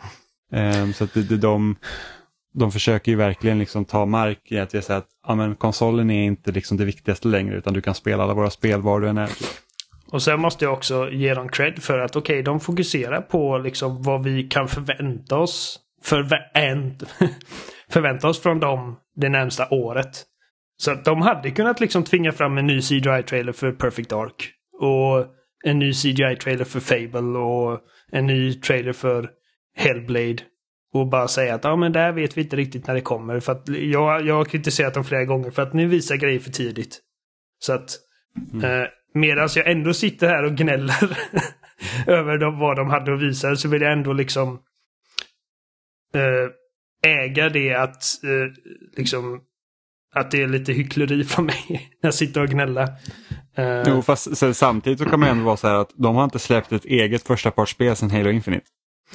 Nej. Och nästa spel som kommer är förmodligen Forza Motorsport som kommer nästa vår. Och då är det så här att okej, okay, det kanske har gått typ 14-15 månader sedan, sedan ett spel kom från Microsoft själva. Mm. Vilket är, det är lite så här att visst, det är, det är svårt att utveckla spel, det har varit en pandemi, det är lite knepigt, men den är liksom så här att okej, okay, hur lägger ni era resurser nu liksom? Ja. Nu har ni köpt upp en massa studier, så vissa av de här studierna har man haft länge. Och det är liksom, det kommer ingenting. Det känns ju som vissa av de här grejerna flyter ut lite över horisonten på något sätt. Hur menar du? Nej men alltså de snackar ju väldigt mycket och de införskaffar liksom väldigt mycket nya studios och bryter väldigt mycket ny mark. Men det känns ju som att mycket av det får man liksom inte se någonting ifrån. Ja, för att de har ju massa studier som inte har släppt spel på säkert fem år. Liksom, typ. Um, och visst, såklart, det är svårt, men det är ändå så att det är ändå lite anmärkningsvärt. Liksom varför, tar, tar, varför är det liksom så knepigt? Och en annan sak som jag inte tänkte på, men de visade ing ingenting om att Deathloop ska släppas. Och de flesta har ju liksom antagit att Sony har haft ett års exklusivitet. Men det var ingenting som sa som att Deathloop ska komma till Xbox. Vilket jag också tycker är lite märkligt. Mm. Ja, för att... Om de eh, inte typ shadow-droppar det liksom i september eller vad, vad som helst. Men liksom det, det är liksom ingenting så att det här kan ni också förvänta för nu kommer det till Xbox. Liksom, utan det är bara så här, nope. Nej, jag vet att när, när att jag och Adam kollade denna också och jag vet att han frågade mig Okej, vad hoppas du på? Och jag kunde inte ge honom ett bra svar. Eh, för att jag menar, jag vill se hur Perfect Dark ser ut. Jag vill se hur Fable ser ut. Men det, jag tycker inte liksom sitta och säga eller förvänta mig att vi kommer få se dem. För att jag känner liksom att det känns fortfarande för tidigt. Eh, så att det enda jag sa att jag vill bli överraskad. Mm. Eh, liksom jag, vill, jag vill ha liksom någon sorts mic drop. Eh, och vi fi, det fick vi inte. Liksom. Alltså, det var ingenting som, som jag kände var mer utöver liksom vad man kan förvänta sig. Det som kommer närmast är väl att de arbetar med Hideo Kojima. Och jag vet att bara typ en timme efter att det utannonserades så hade det liksom kommit upp så här petitions på internet om att cancel his Xbox exclu exclusive. Ja, alltså, det Eh. finns nog ingenting så löjligt som upprörda ga- gamers. liksom. Nej. Man bara säger, åh gud. Ehm, men jag tror att eh, hade han faktiskt haft någonting att visa så hade det liksom, liksom då hade det dugit som någon form av, okej detta var en överraskning för det hade jag inte förväntat mig. Men att bara ta upp en video där han säger att ja, vi, eh, vi har pratat, vi har skapat, skakat hand och skrivit på kontrakt. Det är i princip det vi fick reda på. Mm. och liksom jag tycker att bara det liksom att till och med DLC till Forza Horizon 5 är liksom en rehash av grejer vi har fått förut. Det, Ja, jag var lite, lite förvånad över att det var Hot Wheels liksom, som blir första expansionen. För det var så här bara, aha. Jag hade gärna sett liksom en, en inte den liksom fantasifulla racing-expansionen utan jag hade eh, haft typ ett nytt område som inte går ut på att man åker runt i loopar och sånt. Jag bara kände att det var liksom talande för den här grejen att liksom... Vi har inte så mycket... Nej, jag ska inte ens avsluta den meningen. Jag höll på att säga... på att säga att vi ska inte förvänta oss någon originalitet här. Det ska jag inte säga. För att fan vad många studios som har jobbat stenhårt med sina spel och liksom det... Ja, ja, så det var ju... Alltså som sagt, vi har inte ens nämnt typ Silksong som uppföljaren till Hollow Knight som, som man ser mycket visst. fram emot. Men sam... Jag har nämnt den. Ja, men alltså, mig. vi har inte pratat om det i liksom detalj, om man säger så. Ehm, Vänligen gå in på detalj och du stora mästare. Nej, men alltså, det är inte som att vi har haft en 20 minuters utläggning om Silksong som vi hade med Starfield. Nej, det, det, Eh. nej men det är mer, det är mer Hollow Knight. Ja, men precis, det är med Hollow Knight. Eh, sen så måste jag ändå säga också det här, eh, eh, han som var typ lead designer på Limbo Inside som måste, gör, gör eh, spel som heter Cocoon. Det är liksom, det såg väl fine ut men det är, ju- det är mer att det är personerna bakom det spelet som gör att det är spännande snarare än att det vi såg ser jätte, jättespännande ut. Ja. Och Forza Motorsport, jag vet att jag kommer spela när det kommer. Ehm, och liksom, det är en ganska big win för dem att de har realtid eh, uh, raytracing under, alltså i hela spelet och inte bara liksom i uh, ska man säga replays och grejer som de hade i Gran Turismo 7. Det är en ganska big deal för dem liksom för att det är ju typ de två största konkurrerande liksom racing uh, IP'na. Mm. Får se om de också Och- förstör det med mikrotransaktioner. Ja. Nej men det kommer jag spela men det är ju ingenting som jag sitter liksom och typ eh, hoppar ur kalsongen över för att jag är så pepp på det. Det är liksom bara någonting jag vet att ja, men jag, jag brukar ha trevligt med dem och jag spelar dem ett tag. Det är samma Overwatch Mm. 2 kommer jag definitivt testa. Jag vet inte vad jag känner om liksom det hela free to play-grejen. Alltså, jag är ju mer intresserad av typ den kampanjen de pratar om att de skulle ha till års två. Ja. Om inte de har skrotat det helt. Ja, det, det känns som att de har svårt under utvecklingen av det spelet. Eh, att de springer på många speedbumps. Ja. Um, och scoren vet du fan. Alltså ju mer jag ser av det så är det liksom att okej, det här är liksom verkligen HR Giger. Eh, och det är en väldigt cool design men samtidigt så ser det så monotont ut. ja men det var verkligen så här typ så bara, ah, HR Giger to the max. Ja, det var så här, verkligen. allt ska se ut så och sen så det kändes lite som ett det kändes lite som man typ transporteras tillbaka till typ 2010. Och allt var shooters. Och grått och brunt. Typ. Det var så jag kände. Jag var så här, aha.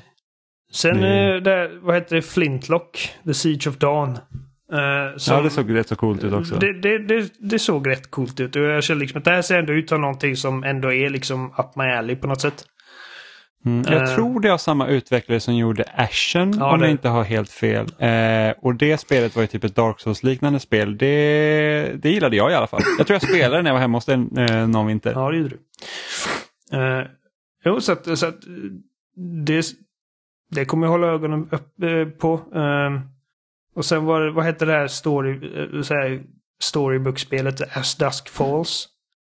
Ja, precis. Eh, tycker, spännande liksom grafisk stil. Eh, Men jag, men jag känner lite så att när man försöker sälja in det genom att vi har skrivit det som Prestige TV, då blir det lite så här, okej. liksom. det här är Det var Days of liksom, Our. Lives. Nej. ja, nej, men alltså inte bara så här, det känns, det, det, det, är lite samma aura som när typ David Cage sitter och säger att han skriver för emotions. Ja. Och lite så här att, alltså är du så fokuserad på att du måste pressa fram känslor ur de som spelar precis här? Är, liksom, är ni så fokuserade på att ni ska skriva det som en, liksom då, en HBO-serie? Då blir det så här att, ja, eh, det kan ju också bara vara marketingsnack såklart. Ja, men det är lite så här att, ja, det, det man åt sig. Nej, men, men jag är inte övertygad om att det här spelet kommer äga. Det var bara liksom någonting som jag kände, ja, men det där kan jag testa liksom när det kommer. För att det är ju det som är grejen med Game Pass, att allting är så jävla lättillgängligt. Mm. Ehm, både på gott och ont, tror jag. För att det var... Det är ju den här lite grejen med, för att jag kommer ihåg när jag var yngre, så jag hade en kompis, Mattias. Som varje gång jag kom hem till honom så var jag helt förundrad över för att hans pappa var så här riktig piratare. Liksom. Alltså han, Mm. Träben och papegoja på axeln. han hade chippat alla hans konsoler och han hade liksom alltså buntar med spel. Så att varenda gång jag var där så visste jag att det finns typ 20 nya spel här som jag, som jag hade velat testa. Och liksom flera gånger, liksom, eh, hans pappa, han kom, allt, liksom, kom in och bara här är 30 nya. Liksom, och så gick han. Och min kompis, jag, var- helt bara bestört över att, för att han spelade ingen av dem. Han spelade bara de spelen han hade köpt på sin PC. Typ som, alltså han spelade World of Warcraft och Pokémon och de här grejerna. Ja. Och jag bara, hur fan kan du inte liksom, det här, du har en bokstavlig guldgruva här liksom. Och den enda som sitter och spelar dem är jag. Och han bara, jag vet inte, det är bara... Och nu fattar jag liksom, för att jag, när man hade... När man hade... Jag ska säga... Typ fem CD-skivor med sig när man typ skulle på en roadtrip. Så var det de fem CD-skivorna och nu har man typ Spotify och jag har ingen aning om vad jag ska lyssna på. Eh, Mm. när jag ska typ, ja jag känner för att kolla på en film och man har liksom sex olika streaming services med typ tusentals olika titlar. Jag, bara, jag har ingen aning vad jag ska kolla på och man sitter där och bläddrar i typ tio liksom hur länge som helst. Och det är lite Och så kommer man på en film som man absolut vill se och så finns inte den någonstans. ja, precis. Eh, och det är lite det som är grejen med Game Pass. Även om Game Pass är typ det bästa som har hänt sedan skivat smör. Det är liksom, alltså, eh, hade jag haft detta när jag var liten, jävlar.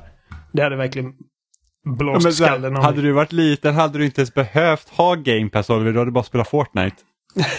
jo, precis. Ja, jo, Det, är liksom, det finns liksom gratis spel, du behöver liksom inte ens ha en tjänst för att det ska funka. Ja, men min poäng Det- är liksom att det, det, alla, vi säger det så ofta och man hör det liksom från alla håll liksom att Game Pass är typ den bästa liksom dealen i bara underhållningsvärlden, period. Ehm, men det kommer också med liksom att det finns så mycket att spela att, att det är svårt att bli verkligen engagerad i någonting. Jag kan inte komma på att jag laddat ner något på Game Pass och faktiskt fullföljt det. Oj, jag spelar ofta på Game Pass. Jag spelade... Jag använder faktiskt jag använder Game Pass väldigt mycket. Ja, ja, men det är bra. Du, du är sån också att du liksom ger dig in i nya upplevelser. Du, du ja, aktivt jagar nya upplevelser. Utmanar liksom... eh, eller utmanar vet jag inte, men liksom du, du, du vill ha nya grejer. Och, eh, Ja. och även ifall du känner liksom att ah, men det här föll mig inte riktigt smaken nu, så du fullföljer. Ja, jag vet. Jag det är är lite sån. dåligt faktiskt. Det alltså, jag, jag är så, ifall, ifall någonting inte greppar mig direkt så är det bara det här åker ut ur, särskilt nu. När jag har liksom heltidsjobb och barn. Jag vet att det, det låter så jävla klyschigt. Bara, jag kommer ihåg när man var tonåring och bara kunde spela, men det är lite så. Eh, jag, jag spelade 15 Men- minuter av Citizen Sleeper, sen avinstallerade jag det. Tänk om du hade haft, eh, tänk om du haft Game Pass när du var tonåring och bodde hemma Oliver. Du hade fan aldrig sovit eller ätit. Nej, precis. Jag hade dött. Eh, men Citizen Sleeper, jag spelade i 15 minuter, sen stängde jag av det för jag bara nej. Uh, jag, varenda liten textruta som dök upp fick jag läsa typ fyra gånger för att jag kunde inte hålla mig engagerad nog att faktiskt läsa vad som stod. Uh, och direkt efter det startade upp det här Sniper Elite 5, spelade 15 minuter och det avinstallerade det också. Uh, mm. ja, men jag är väldigt selektiv när jag väljer. Jag, jag läser ganska mycket om spelen. För om, jag, om jag hittar någonting som jag vill spela på Game Pass som jag inte riktigt känner till. Då kollar jag ett, hur långt är det? Alltså hur mycket av min tid kommer det här ta? För att jag, eftersom, som sagt, jag vill ju fullfölja spelen jag köper, så att, eller jag, jag, spelar, så att då blir det så att jag måste se vilken investering det är ifall jag tycker att det är sådär. Eh, och sen läser jag kanske någon recension, kollar lite vad andra tycker om det eh, innan jag liksom verkligen ger mig in i det. Så jag spelade ett spel i, i helgen nu som heter Urmanagi Generation eller någonting sånt. Eh, jättekonstigt namn, eh, som var fyra timmar långt. Och jag var så här, ja ah, men fine, det är min söndag. Ja, jag menar, och, och, men jag tror också att det är lite poängen gör också att jag hade gett de här två spelen mer tid om jag faktiskt hade betalat för dem. Mm, ja men så är det. Uh, men ja, det var, det var ett långt utlägg om, om Game Pass som inte mm. har någonting med saken att göra. Jag vet uh. Nej, men, men alltså det, det jag känner väl så här att nu när alltså, ekonomiska situationen i världen är liksom väldigt skakig och eh, spelen är mycket dyrare, ja. eh, eller börjar bli dyrare också, så är det väldigt skönt att man kan känna så här att ja, men här är ett spel jag vill spela och jag betalar den för Game Pass så kan jag ladda ner det. I så fall. Men jag tycker, eller liksom här är ett spel. Jag, ja. jag tycker Game Pass är värt det bara för Xbox egna grejer. Liksom. Det, det, det, blir, det är väldigt värt för Microsoft när de släpper ett spel om året. ja, men alltså liksom även, även grejer. Blir dina spel väldigt dyra helt plötsligt? Tusenlappen för Halo. ja, men även deras äldre grejer. Liksom, att jag kan ladda ja, hem typ, eh, liksom alla Gear-spel eller bla bla. Även om jag nu äger dem mm. givetvis. Men... Det, det, var ju jätteskönt nu med eh, när jag spelar Fallout New Vegas by the way. För att jag har ju det på skiva. Men det finns också på Game Pass. Ja, så jag behövde liksom inte hämta min skiva. Jag bara, jag kan... Och så, så hade de rea på alla expansioner också så de kostar 25 spänn styck istället för 100. Och jag var så här, ja men visst. Ja. jag laddade ner allt. Så det var bra. Uh, men om vi bara ska så här att det bästa som har visats på de här två showerna nu, eller som ni har sett då, under denna, inte så mycket E3. Vad är det? Amanda får börja. Ja, men jag vet ju inte. Oj. Jag skakade just på huvudet för att Jimmy skulle styra över frågan ja. till dig Oliver. Okay. Jag, jag väntade till Oliver tog ton. Oliver tog ton. Så uh... Amanda, vilket var det? Nej, men jag tycker inte tvinga det. Alltså okej, okay, det spelet som, som jag ser mest fram emot av det de visade på Xbox var Starfield. Mm. Uh, vilket, alltså, inga konstigheter. Jag tror att det är många som hade svarat samma sak. Um, även om jag liksom, vi har suttit här och snackat om hur... Uh, ja, jo men jag är ganska mainstream. Um, det, jag tycker att alls är orättvist att säga att jag är mainstream. Jag, jag är definitivt Jag skulle säga att Amanda är minst mainstream av oss. Är jag? Ja det ska jag nog tro. För du kan, du kan liksom sitta och titta på ett spel på typ Playstation Store och bara det här köpte jag och så spelar man det och man var så här. Hade jag satt det där i Playstation Store hade jag aldrig köpt det. det typ så här, jag, hade, jag hade inte tagit det där med tång. Och sen kan det vara jättebra ändå. Inte för Men det, bara, att, det, det, det kommer mina fördomar in. Inte för att ta ifrån Amanda några hipsterpoäng. Men jag känner ändå att du är mer mindre mainstream för att vara liksom... Jag och Amanda, vi brukar typ när vi snackar Game of the Year så är det oftast liksom storspel. Och du är bara, ja men det här typ ryska indiespelet som tre pers spelade. Det är mitt favoritspel i år. Um, jag vet inte, fast jag spelar ju alla stora spel också. Jo, det gör du, men du, du är aldrig särskilt imponerad av dem. Uh, och mm, jag menar, om man frågar mig och Amandas liksom typ de tio bästa spelen någonsin. Det kommer ju dyka upp något indiespel här och där. Men... Och nu kanske du känner att jag lägger ord i mun på det, Amanda. Jag vet inte. Men jag tänker liksom att för mig, för dina, liksom, några av dina favoritspel är liksom typ Horizon, Ratchet, Arkham. Um, ja. De här grejerna. Och jag vet att, menar, eh, eh, något år så var det eh, Sayonara Wild Hearts. Det är lite hipsterpoäng på det. Uh, men, men jag kände ändå att Jimmy, Jimmy är nog lite mer liksom hipster. O-mainstream. För du köpte det Mm. där typ, vad var det, pizzaspelet, men du gillade det inte. Du kommer inte sitta här och snacka i, i slutet av året bara "Ah, ja men det var Game of the Year, det var en verkligen transcendent upplevelse. Om jag undrar vem som hade köpt det där pizzaspelet. Bara, mm, det här är det bästa. Har ni pratat om The Jumping Taco? Ja, det, taco var det. precis. Ja, det var ju ett misstag. Ja. Du fick en Platinum-trofé. Ja, men jag hade hoppats att det i alla fall skulle vara en liten bana med den där förbannade tacosen. Nej men alltså kolla, ifall du säger, om du känner att jag, att jag har, att jag bara snackar skit så får du säga ifrån. Men jag känner att jag upplever Jimmy som minst mainstream av oss. Ja, jag känner mig djupt kränkt nu. Mm. Hur ska vi någonsin kunna vara vänner igen? Vi får se. Ja. Jag... ehm, Nej, Och det var från och med den här punkten som spelsnack upplöstes. Ja, men precis. Ja, Nej, det blir ingen åter, återföreningsturné sen. Så Starfield på denna, på Xbox-showen och på Summer Games Fest eh, eh, antar Callisto Protocol. Mm. Så Amanda, har du valt den? Nej. Okej, eh, för mig på Xbox-showcasen så blir det ju utan tvekan att Persona 4 Golden kommer till, kommer till konsol. Jag är så jävla peppad på att typ spela det här spelet typ 50 gången. Eh, eller ja, börja spela 50 gånger. Kommer till Och sen så konsol, får- var och det sen- funnits förut? PS Vita. Och sen PC. Det kom till PC Ah, Okej, 2020. ja, så det, ah, okej, ja. Mm. Så det är liksom så här att det har varit fast, alltså jag har typ hållit min vita i liv för att jag liksom ska kunna spela Persona 4 på den och nu är det så här, Nu kan du slänga den. nu kom, ja den är, Robin lånade den av mig för att spela Persona 4 men det har han inte gjort. Men eh, så den är inte, den kanske till och med är trasig redan, med någon av hans uh, djävulsungar har väl ätit upp den eller någonting sånt. Eh, gudfar här. som ställer mot mina, eh, men eh, men det, det är liksom så här att, ja, det ser jag väldigt mycket fram emot. För att det, som sagt, om man har lyssnat på Spelsnack en längre tid så har man den här berömda skidresan jag missade för att jag råkade liksom välja fel i slutet så att mitt spel kortades av med typ en tredjedel. Så att eh, det vill jag uppleva igen. Eh, Om vi säger nya spel sen- då? ah, nya spel på... Då tänker jag bryta in och så säger jag Silksong. För att det kanske får mig att äntligen spela klart förbannade Hollow Knight någon gång. Du är inte lika begeistrad som Jimmy eller? Men alltså, grejen var ju det, jag har berättat det här tidigare, att eh, sommaren 2019 så hade jag en semester där jag spelade jättemycket. Jag fick en liksom jättemysig semester, väldigt mycket för mig själv och det var en väldigt strid ström av spelande. Och sista kvällen på semestern började jag Hollow Knight.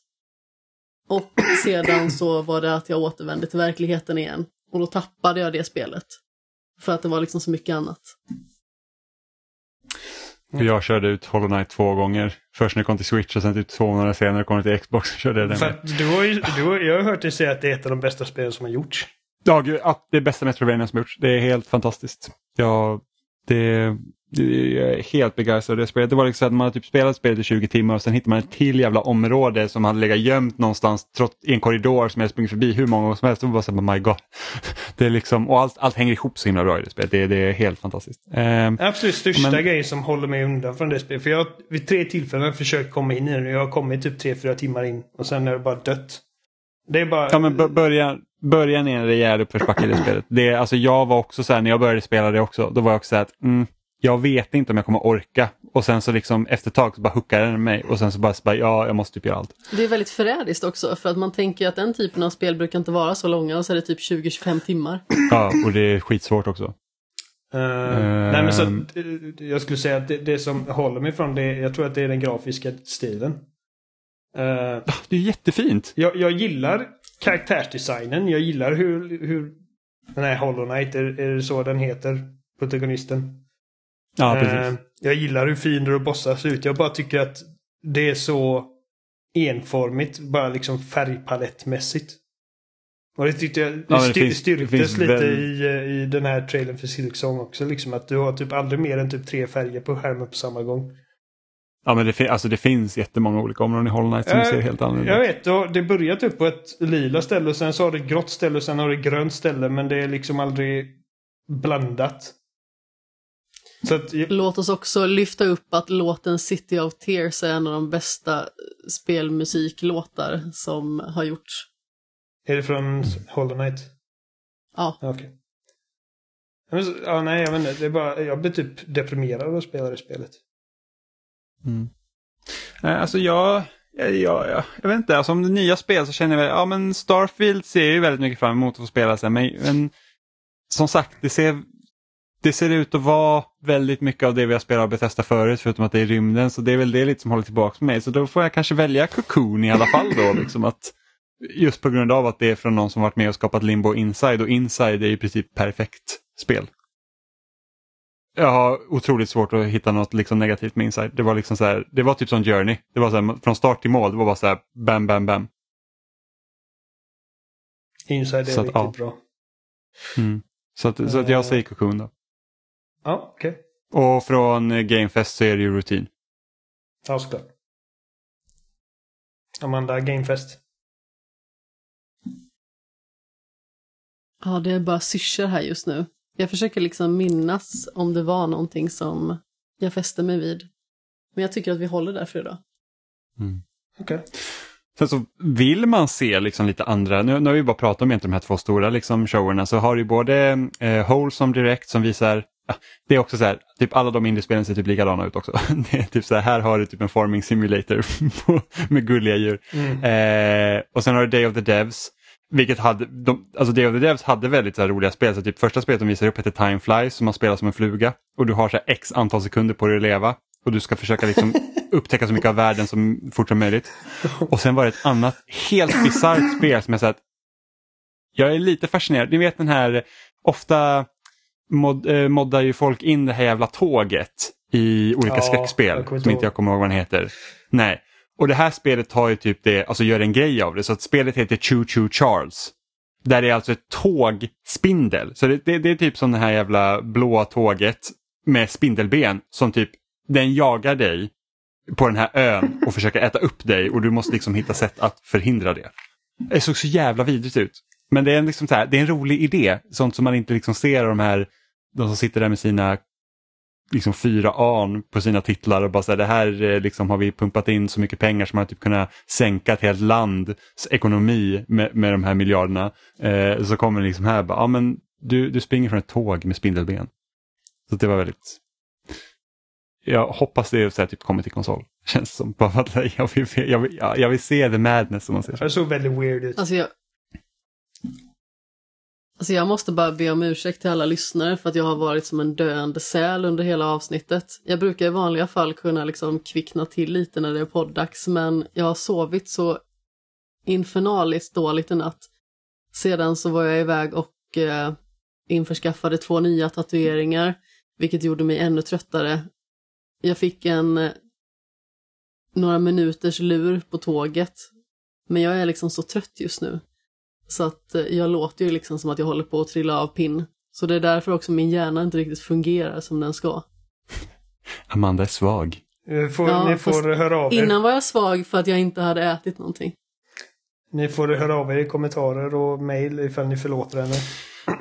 Skicka klagobrev till amanda. Du får ta Nej, in det men nästa det, gång. det, det ni kan göra är att ni kan skicka mail till eh, kontaktetspelsnack.com och tycka till om vad ni har tyckt var bäst eh, under eh, inte E3-veckan. Det får man också göra ifall Eh. man vill göra någonting kul. Ja, precis. Eh, för att som sagt, vi vet inte om det kommer hända. Vi vet att Capcom har ju sin sändning och vi vet att Square Enix kommer visa någonting. Sen vet inte vi om Nintendo kommer dra till med en direkt i dagarna eller hur, hur det ser ut. Så det kan ju hända att det kommer upp mycket mer.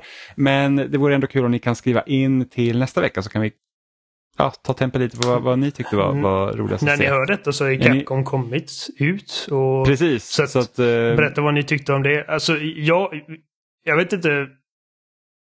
Jag har inte så stora förväntningar på Capcom. Jag tänker att i, i absolut bästa fall så får vi se mer av Resident Evil 4. Eh, Liksom, jag tänkte det är möjligt du- att de har sparat lite av det för sin egen grej. Ehm, ja, det är möjligt. Du kommer definitivt få se Street Fighter 6. ja, ja, det lär vi få se. Och, Ja. eh, Så vi får Eh, se. Ja.